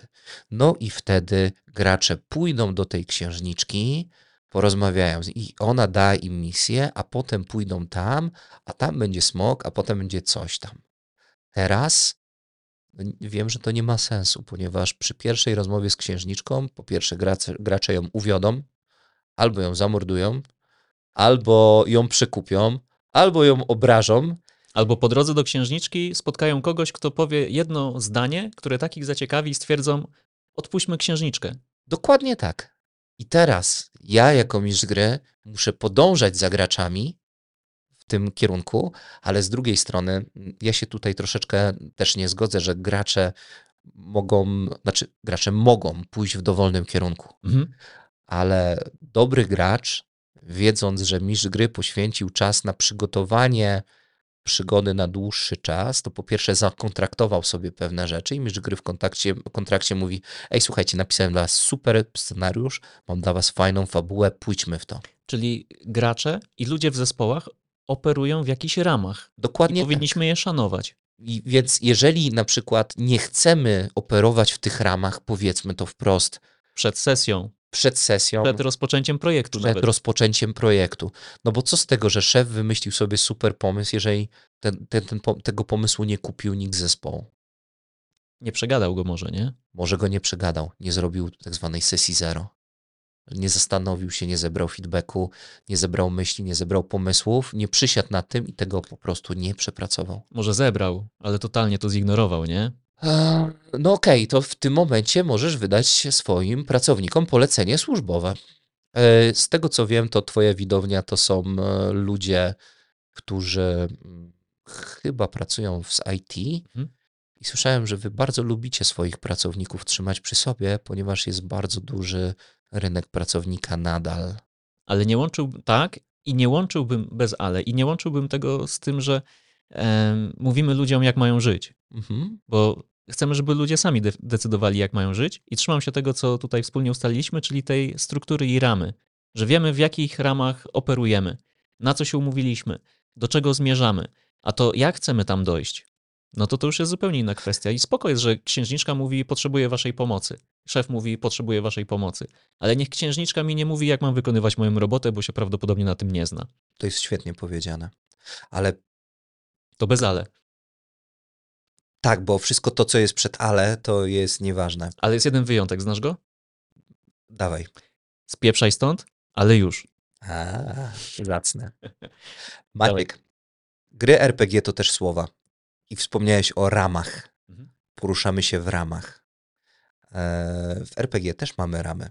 Są o, pewne gry, które teraz chyba są hardboxami Co to jest? Albo hardframe'ami. Nie pamiętam.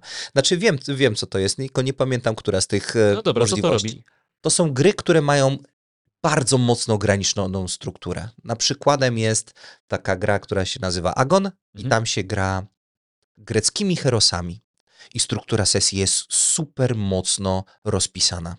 Czyli nie ma tutaj, że odmówimy księżniczce. Założenie jest takie, że mówimy księżniczce zawsze tak. Księżniczką w tej grze się nie odmawia. I przez to, że te struktury są tak super mocno rozpisane, to osoby, które grają w tą sesję, mogą się bawić albo bardzo dobrze, albo bardzo źle. A od czego Maciek to zależy, jak myślisz? Myślę, że będę się bawił dużo lepiej, jak będę znał e, te ramy przed grą. I, No załóżmy, że ją znasz. no, no to musi mi pasować. Y, Gdy się zdecydujesz, że będziesz grał w zabawę na, w takich twardych ramach. Tak, to prawda. Jeżeli akceptujesz te zasady, jest super. Zawsze możesz y, zmienić zdanie w trakcie, że ci to nie leży, ale jeżeli masz dobrze zakontraktowane ramy i to są właśnie takie gry, to wtedy rozgrywka jest świetna. A to też jest takie wartościowe doświadczenie, które możesz sobie zabrać potem do swojej pracy, że jeżeli masz takie doświadczenia, że są jakieś takie ciężkie ramy, wokół których możesz operować w niewielkim zakresie, na przykład w swoim projekcie, to powiedz o tym ludziom. Pamiętam taką sesję, ona miała miejsce dawno, dawno temu. E, Mistrz gry powiedział: Gramy w takie typowe fantazy, wiecie, Władca Pierścieni czy inne lochy i smoki. Zróbcie sobie postaci takie, jakie chcecie. Jeden z graczy zrobił sobie jakiegoś super rycerza, e, miał wielką tarczę i wspaniałego konia. No i zaczyna się pierwsza sesja, i mistrz gry mówi: Słuchajcie, ta sesja e, i w ogóle cała kampania będzie toczyć się na statku pływającym między, między jakimiś wyspami. I ten gracz mówi: Ej, ale ja mam konia, no nie? Co mój koń ma robić na statku? A mistrz gry mówi: Nic, bo nawet tam nie ma dla niego miejsca. Kurtyna. To jest bardzo zła historia. Znaczy, to jest świetna historia, ale to jest bardzo przykra rzecz. To jest to, jest to napisanie w ogłoszeniu o pracę, że jest miła atmosfera w firmie, gdzie przychodzisz e, z tą dobrą atmosferą, którą masz w sobie i widzisz, wchodzisz do firmy i widzisz, że nikt się nie uśmiecha. I widzisz, że kawa, e, przepraszam, Lipton jest tylko dla zarządu. Przynieś sam sobie najlepiej No, kawę. no, no, no, no. Em, W grach RPG oprócz tych ramek, od których bardzo mocno się mm, w większości systemów odchodzi, raczej dąży się do jakichś granic albo jakichś takich obszarów, bardziej obszary niż ramy, bo ramy, ramy się bardzo RPGowcom źle kojarzą, bo Mhm. istnieje nawet takie pojęcie jak e, railroading, Mhm. czyli prowadzenie sesji po torach.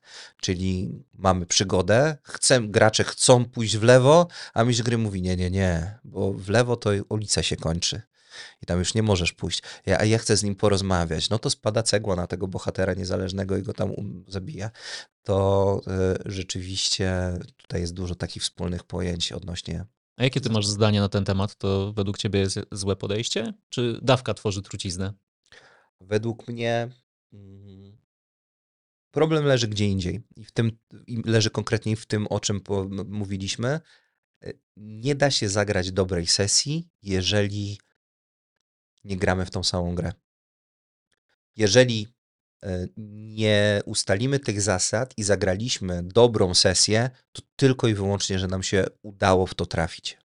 Albo mamy tak wysoki poziom empatii, a nie każdy ma taki wysoki poziom empatii, że wyczuliśmy o co chodzi drugiej osobie.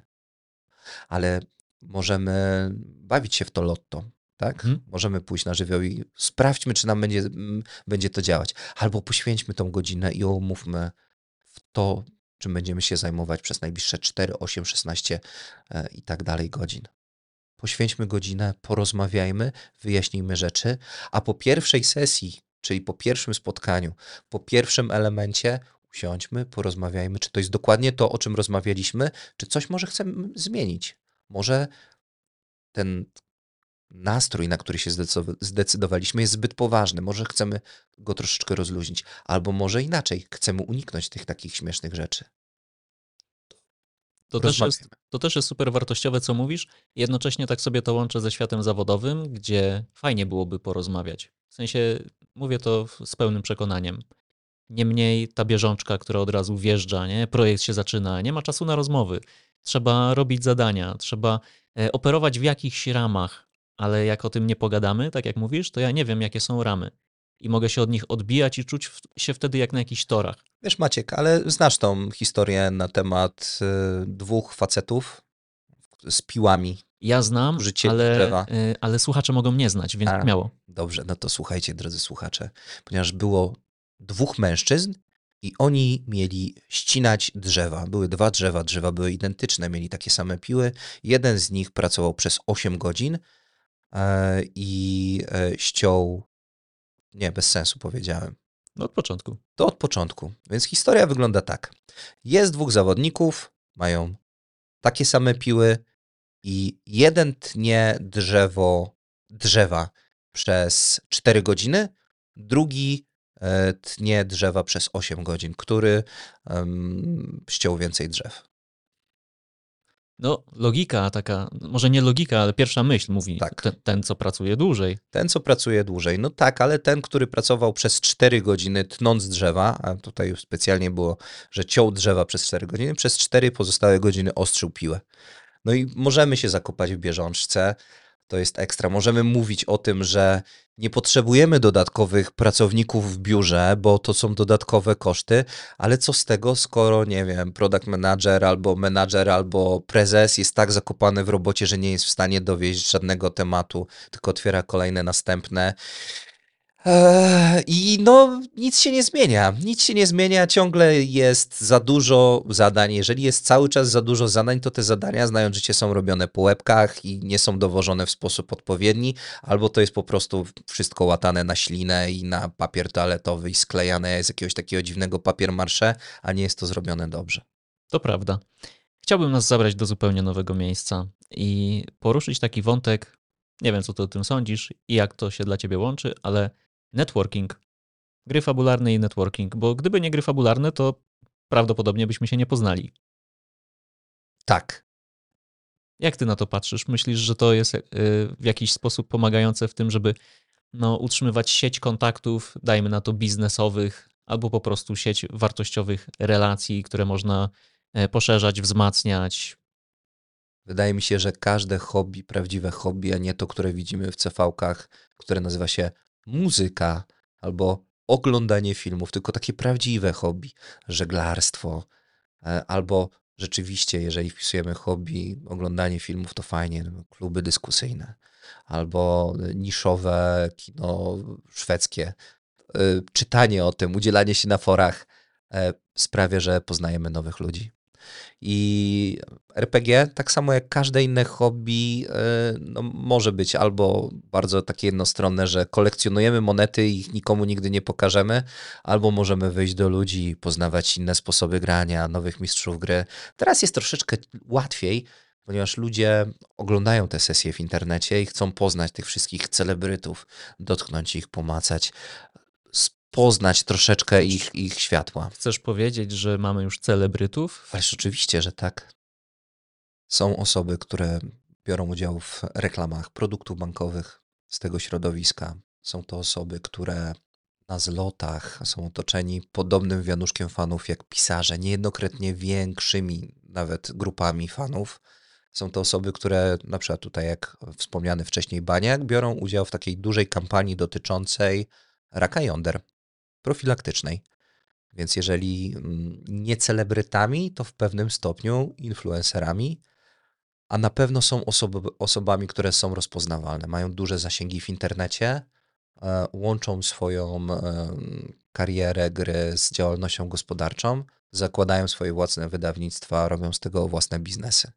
A przy okazji są też propagatorami naszego hobby, naszego wspólnego Maćku. Więc tak, jak najbardziej. Jak najbardziej. Wyszli z piwnicy, kupili sobie te bardzo drogie zestawy do nagrywania, mikrofony i tym podobne rzeczy. Guzik, prawda, RPG jest najtańszym hobby na świecie, bo trzeba mieć kartkę, długopis i kilka kostek. A nawet nie, bo przecież my graliśmy godzinę temu nie posiadając żadnego z tych przedmiotów. Jedynie co, rozmawiając. Dokładnie tak. Więc jak najbardziej można no tutaj być już nawet osobą sławną. Co więcej, nie wiem czy wiecie, ale Abelard Giza również gra w grę RPG. A propos takich znanych osób. Amerykańscy aktorzy? Tacy Ojej, jak grają? najbardziej. E, Vin Diesel, mm, kto jeszcze? Nie mam pojęcia, ale E, też... aktorka, aktorka, e, która grała M w ostatnim Bondzie. No, a M, ta starsza pani. Ta starsza pani. Ona gra w gry fabularne? Oczywiście, że Ale- tak, jak no najbardziej. No to pięknie. E, aktorów, którzy grają w gry fabularne jest dużo, no ale no chociażby mm, Cavill, który e, w gry, Henry Cavill, mhm. tak, w gry fabularne nie gra, ale gra w gry e, bitewne, które, od których gry fabularne się wywodzą. Jakby nie było, jest ambasadorem e, Wiedźmina, albo był przynajmniej. No już chyba był, już chyba był. Mocno, mocno zakręcony w tym O, to jest temacie. fajny przykład, bo to jest człowiek, który mógł robić świetny przykład biznesowy. To jest człowiek, który mógł zrobić dla Netflixa gigantyczne ilości pieniędzy. A co się stało? Nie pogadali ze sobą, naruszyli zasady, które on jasno mówił od samego początku. W pierwszym sezonie mówił: Nie szargajcie materiału źródłowego. On jest fajny, trzymajmy się, to się dobrze sprzeda. Mówił to w drugim sezonie, ale poróżnili się ze sobą i najnowszy sezon, ten taki miniserial, zakończył się klapą. I to nie dlatego, że to było źle napisane, choć było, tylko dlatego, że był naruszony kontrakt i no po prostu wszystko padło. Odszedł i od- odeszła im gwiazda, która kręciła ten, ten e, serial. No i zrobił się kwas. Myślę, że jakby zagrali ze sobą parę sesji i, i, się obwąchali, jakim się ze sobą gra, to by łatwiej było Henry'emu i też ludziom z Netflixa stwierdzić, czy my chcemy w ogóle robić ten serial, czy to się uda. Bo teraz to jest taka równia pochyła. Tak. Ale wiesz co, wydaje mi się, że tutaj jest też inna rzecz. Oni zrobili coś takiego, że grali w jeden system RPG, czyli umówili się w Zew Cthulhu. Metallica śpiewa o Cthulhu, Cradle of Filth śpiewa o Cthulhu. Cthulhu jest bardzo popularne, H.P. Lovecraft, są piękne książki, od tego się oczywiście zaczęło. E, I w pewnym momencie w Netflixowym e, Call of Cthulhu pojawił się królik Bugs. To ciekawe, potrzebuję tu puenty. Czyli było zakontraktowana jedna rzecz, a w tym momencie ktoś wprowadził elementy niepasujące. To też jest mocno RPGowe porównanie, no bo wtedy ludzie po pierwszym sezonie, gdzie widzieli troszeczkę tego Sapkowskiego, troszeczkę tego nastroju, dostali coś zupełnie innego, co się nie wybroniło. Więc w pewnej sensie RPG uczy też konsekwencji. I ja bym dołożył do tego, co teraz powiedziałeś, uczy też logicznego myślenia połączonego z kreatywnym myśleniem. Często gry fabularne polegają na tym, że wszystko zaczyna się od jakiegoś pomysłu na historię, którą potem mistrz gry przekuwa w scenariusz. Często to jest jakiś dokument. Jednostronicowy Word, czy dużo większa e, liczba słów, ilustracji. I z jednej strony wymaga to od mistrza gry albo sięgnięcia do jakiegoś gotowego materiału i dostosowania go do swoich potrzeb. albo Przerobienia filmu, scenariusza, Mhm. jakiegoś kawałka naszej rzeczywistości. Dokładnie, albo wymyślenia czegoś zupełnie nowego. I musi to być na swój sposób logiczne w tej fikcji, żeby gracze to kupili, żeby weszli w te ramy, o których roz rozmawialiśmy, żeby mieli to poczucie sensu, że e, to wyzwanie, które stawia przed nami rzeczywistość, gdzieś tam się łączy z motywacjami tych postaci, które sobie wymyśliłem. Żeby to nie był totalny rozjazd, bo jak będzie, to dojdzie do tej sytuacji, w której mam iść do tej księżniczki, ale stwierdzam, nie, Co? Tak, w sumie po co ja mam do niej iść, w ogóle mnie ona nie interesuje. A drugą rzeczą, która musi się tam znaleźć, to kwestia rozwoju, kwestia patrzenia w przyszłość, kwestia różnych możliwości, a przede wszystkim taka duża pokora, ponieważ ni- nigdy nie wymyślisz wszystkiego do końca. Możesz się przygotować i im dłużej grasz w RPG, im dłużej prowadzisz, e, tym jesteś bardziej gotowy na improwizację, na przyjęcie tego, co się pojawi i dos- dostosowanie to do siebie dostosowaniem problemów, przyswojenie ich e, i no, zrozumienie tej rzeczywistości. A tu nagle wpada ci COVID i nie masz pomysłu. To, nie pra- masz- nie to, masz to prawda I, i musisz kombinować. I tak sobie myślę o naszej rozmowie, że jakby zastąpić e, wyrażenie gry fabularne, na przykład czymś takim jak współpraca w zespole, e, zarządzanie pracą ludzi, to wszystko to, o czym mówiliśmy, e, brzmiałoby równie spójnie i można byłoby to sobie łatwo przełożyć do swojej e, zawodowej rzeczywistości. To są też świetne gry, które są team buildingowe. O, to prawda. Ty w swojej firmie, prawda? Grałeś sobie z zespołem. Mhm. No. Tak, tak, bo to jest świetny też motyw na integrację. Tak. e, że, że można skrzyknąć ludzi, ej, zróbmy coś, czego wcześniej nie robiliśmy, poopowiadajmy sobie jakieś historie. Albo co więcej, zabierzmy ich e, do zamku, e, zapłaćmy ludziom, którzy się w tym specjalizują i zagrajmy w gry RPG, ale z taką literką L na początku. Coś pokręciłem. Czyli w larpy, po W prostu w larpy. larpy. Tak, Live action role playing game. E, I e, wtedy dostaniemy kostiumy, będziemy spali na zamku, będziemy udawać coś, będziemy mieli animatorów, którzy nas będą bawić. Świetna zabawa. dokładnie. Są różnego rodzaju gry symulacyjne, które mają na przykład odzwierciedlić e, funkcjonowanie statku podwodnego, czy tam łodzi podwodnej. To jest, mo- można powiedzieć, toczka w toczkę to samo, co gra fabularna. Po prostu wcielasz się w ekipę pilotującą jakąś łódź. Pewnie tak. E, Większość gier, które są na rynku, mają elementy RPG. W FIFA są statystyki, wyobraź sobie. Hmm. Nie? No i myślę, że w jakiś sposób utożsamiasz się z tymi piłkarzami, którzy latają za tą. No, że E, tutaj masz, albo tu ci ktoś, możesz wyszkolić swoją postać w czymś. Nie? I tak sobie myślisz, kurczę, czuję się jak e, prezes klubu. Trochę tak, ale w dowolnej innej grze znajdziesz elementy RPG coraz częściej, a to się wzięło właśnie z tych gier, z które my gramy bez użycia komputera, albo jako medium, przez które nas głos przepływa do drugiej osoby. Mam taki ostatni temat, w, którym chciałbym połączyć gry fabularne z kompetencjami zawodowymi. Ciekaw jestem, co o tym powiesz. Jakbym rzucił takie hasło, mm, jakie kompetencje dzisiaj, kompetencje zawodowe są bardzo potrzebne, ale wiele osób ich nie posiada, a gry fabularne mogą pomóc w ich wykształceniu. Mam taką jedną, może ty będziesz miał y, jeszcze jakąś do dołożenia. Powymieniamy się trochę nimi. Super. To ja spróbuję mieć więcej niż jedną, jeśli ty będziesz miał więcej też niż jedną. Sprawdź mnie. Ja mam coś takiego. Gry fabularne, jeśli w nie aktywnie grasz, to pomagają ci rozwijać umiejętność pisania.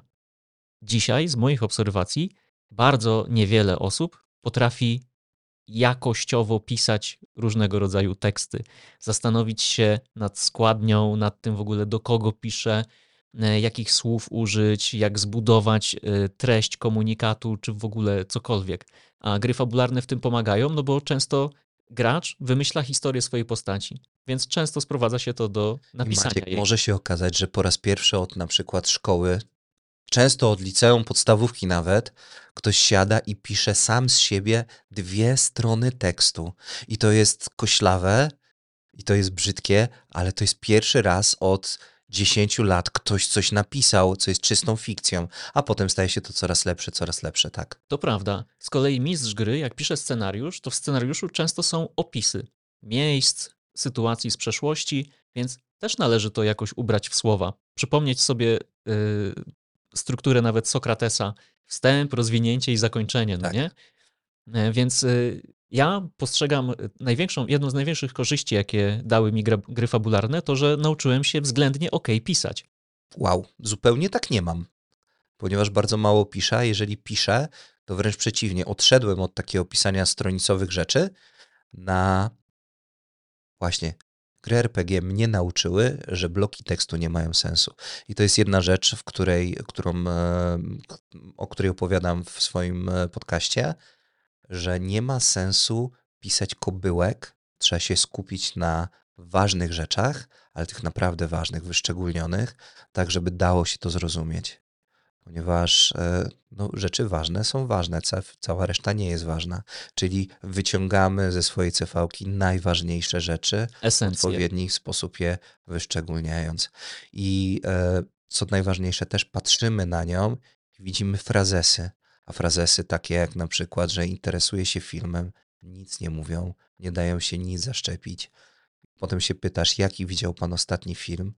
I ten człowiek mówi, taki, opowie pan coś o nim? No nie, No bo go widziałem, ale nie oglądałem go. ponieważ e, tak samo jak CV ma dać e, możliwość rekruterowi odbycie, nawiązanie jakiejś więzi i e, rozpytanie o tej osoby, poznanie jej, to tak samo karta postaci bohatera ma dać mistrzowi gry zahaczki, wątki, które potem w tej przygodzie będą. Czyli wszystko, co powiesz, może być wykorzystane przeciwko tobie, a w tym wypadku na twoją korzyść. To prawda, czyli tworzę CV, myśląc o, o tym, że tworzę y, kartę postaci mojego bohatera, to na co zwróci tam uwagę mistrz gry, w tej sytuacji rekruter, o co miałby mnie zapytać, albo w ogóle dlaczego miałby zwrócić na mnie uwagę. Dokładnie. No dobra, ja dałem umiejętność pisania, że one pomagają ją rozwijać. W Twoim przypadku to jest szukanie tej esencji, w moim przypadku jest to e, dostarczanie wysokiej jakości tekstów, nawet jeśli one są dłuższymi formami. Chcesz coś dorzucić do tej puli tych kompetencji? Oczywiście, że tak. Planowanie spotkań. Przez 4 godziny musimy zmieścić przygodę. Czyli musimy mieć początek, postacie muszą się poznać, potem musi być rozwinięcie, musimy rzucić jakieś zahaczki fabularne, te postacie muszą w jakiś sposób odbyć interakcję z sobą, potem musi się odbyć coś jeszcze, punkt kulminacyjny, potem delikatne zejście w celu jakby rozładowania emocji i musisz się zmieścić. Dlaczego? Ponieważ ciężko jest zaplanować kolejne spotkanie i to jest trudne. To jest trudne. Teraz troszeczkę gram online na takich streamowanych sesji e, właśnie z przyjaciółmi z Imaginarium.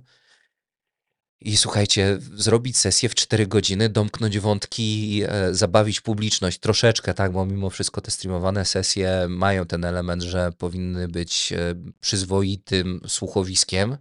Jest ciężko. To prawda, a jeszcze człowiek, który ogarnia to spotkanie z pozycji mistrza gry, musi jeszcze rozumieć zasady, najlepiej, żeby wiedział w co gracie, na jakich zasadach. Masz cztery osoby, które są z tobą na tej sesji i musisz dopilnować, żeby one też się bawiły, domknęły swoje wątki.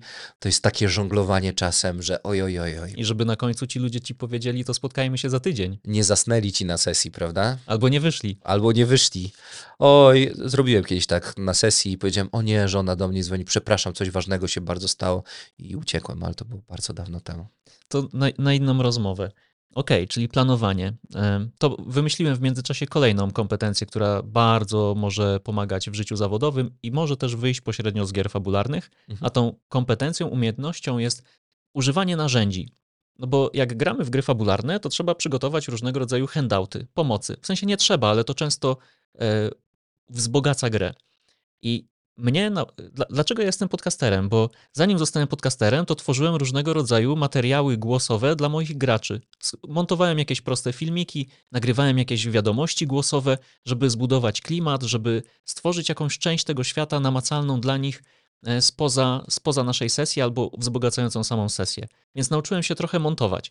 Nauczyłem się obsługi e, stron e, generujących strony internetowe bo graliśmy w różnego, w różnego rodzaju systemy, które działy się w cyberprzestrzeni, więc można było zbudować prostą stronkę internetową, z którą gracze w trakcie sesji wchodzili w interakcję. Czyli dawałeś im rekwizyt w postaci gotowej strony internetowej. Zamiast im opisać, że tak. klikasz tutaj coś, tam dawałeś, masz. Dokładnie.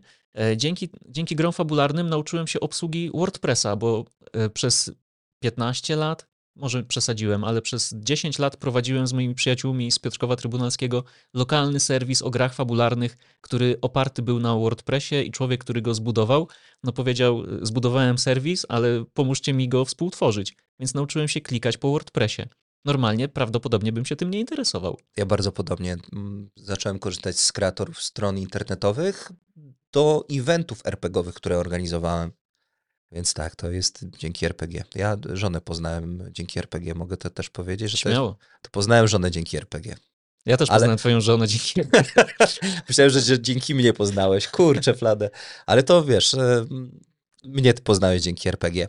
A tak na serio, teraz dodatkowo, coś nieoczywistego. Szacowanie prawdopodobieństwa wśród graczy RPG jest gigantycznie większe niż u przeciętnej osoby, ponieważ tam zawsze, gdy się podejmuje tam, w sensie w sesjach, na, podczas, podczas sesji RPG, twoja postać mierzy się z ryzykiem i z szansą na to, że dana akcja się nie uda.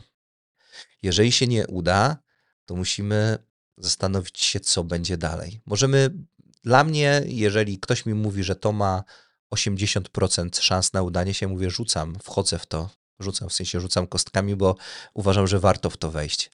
E, wiem, które projekty są niebezpieczne, bo jestem w stanie sobie je troszeczkę bardziej przekalkulować w głowie. Mhm. Czuję coś takiego. No to prawda i to jest bardzo przydatna umiejętność, bo często wpadamy w taką pułapkę, że myślimy tylko o tych y, dobrych scenariuszach, o tych złotych ścieżkach, że wszystko Tak. się uda. A przygotowując się do sesji RPG, tworzysz scenariusz, myślisz, o, jaki fajny, logiczny, e, angażujący scenariusz wymyśliłem. Tak. Po czym coś nie wychodzi. Na przykład ktoś nie przyjdzie, bo się rozchoruje, Tak. a trzeba jechać z tematem dalej. I musisz jakoś z tym pracować. Ale wiesz co, Maciek, jest jeszcze jedna ważna rzecz odnośnie e, udawania się bądź nieudawania projektów. Dzięki mm, RPG nauczyłem się zasady fail forward. Rozwiniesz? E, Kiedyś, dawno w grach RPG było tak, że rzucamy, czy uda ci się otworzyć drzwi. Rzucamy, w sensie wykonujemy test kostkami. Teraz gramy, no, większość osób, albo przynajmniej część gra na, zgodnie z fail forward. Jeżeli ci test nie wyjdzie, to pojawia się jakaś dodatkowa okoliczność, która to utrudnia. Czyli porażka nie jest całkowita. Ok, projekt rzadko kiedy nie wyjdzie. Zazwyczaj w projekcie pojawi się jakaś okoliczność dodatkowa, z którą trzeba się zmierzyć. Czy potrzeba dodatkowego finansowania, czy potrzeba, zdo, po, potrzeba zdobycia dodatkowej kompetencji, którą na, nagle trzeba będzie zorganizować. I uczymy się tego, że to życie nie jest takie bardzo zero-jedynkowe, tylko po prostu dobudowuje nam pewne trudności, z którymi możemy sobie poradzić. A zasada fail forward powstała po to, żeby nawet nieudane testy, nawet nieudane rzeczy w grach RPG sprawiały przyjemność i nie zamykały fabuły. Bo jeżeli mistrz gry umieści za jednymi drzwiami rozwiązanie całej przygody, tego, tą główną księżniczkę, a gracze nie mogą jej otworzyć, co wtedy?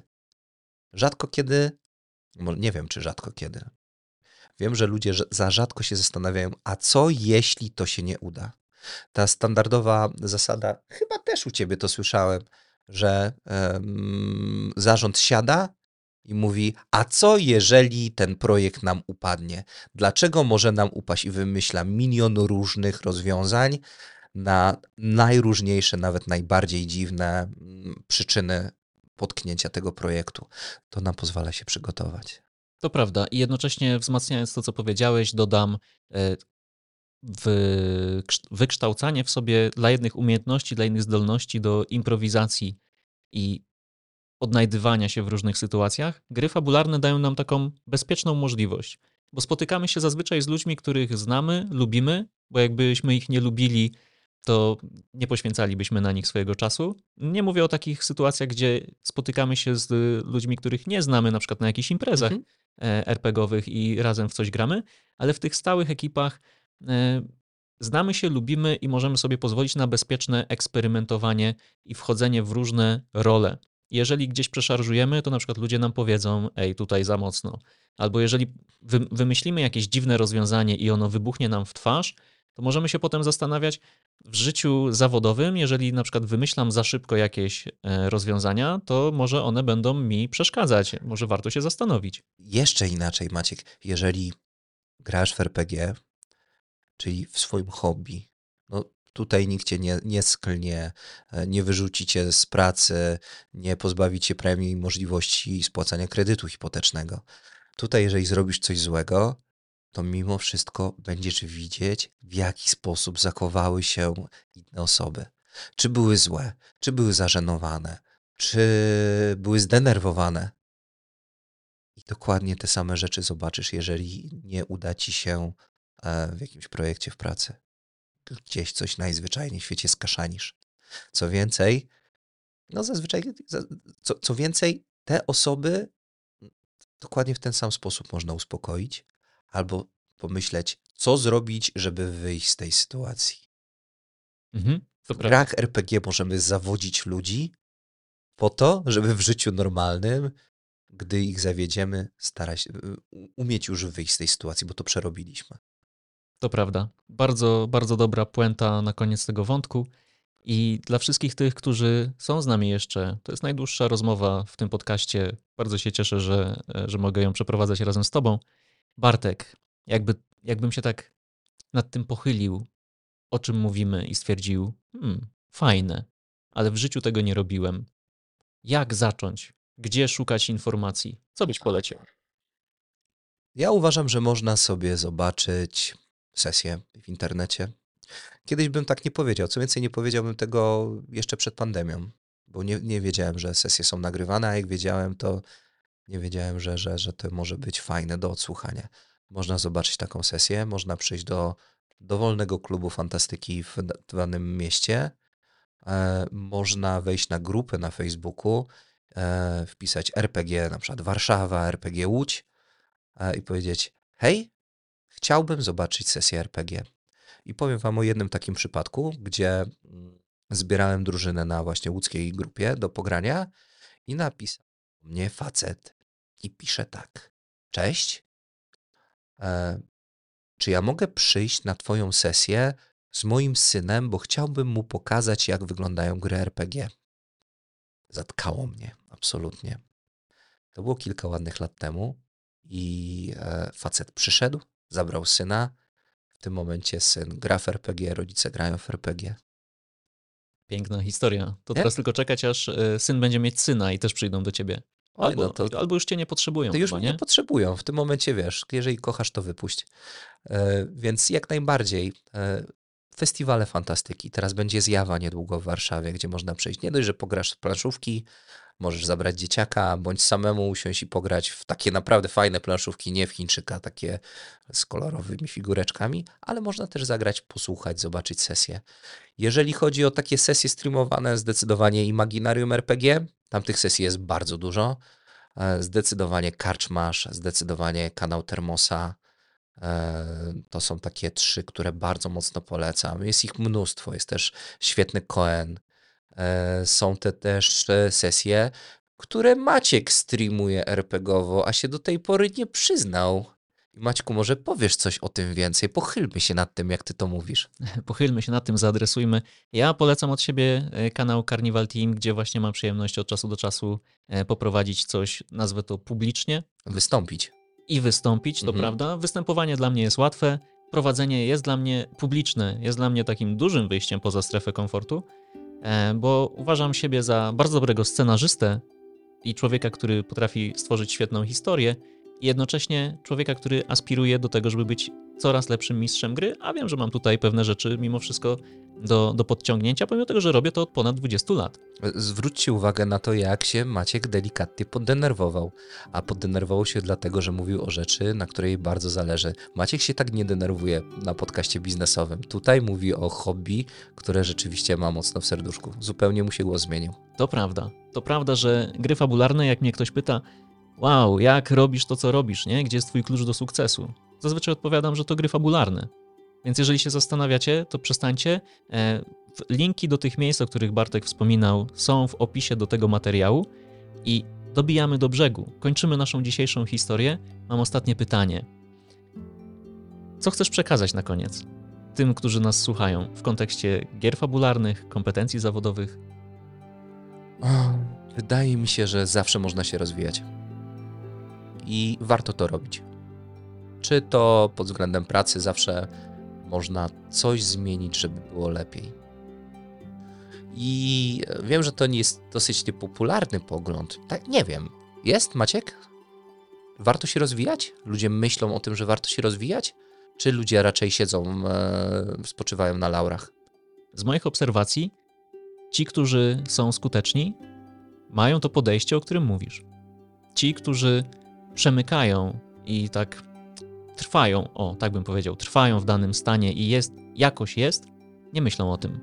Po prostu je- jest jak jest. Więc ja zachęcam, bardzo mocno zachęcam, ponieważ w grach RPG można zauważyć, że masz ciągły progres.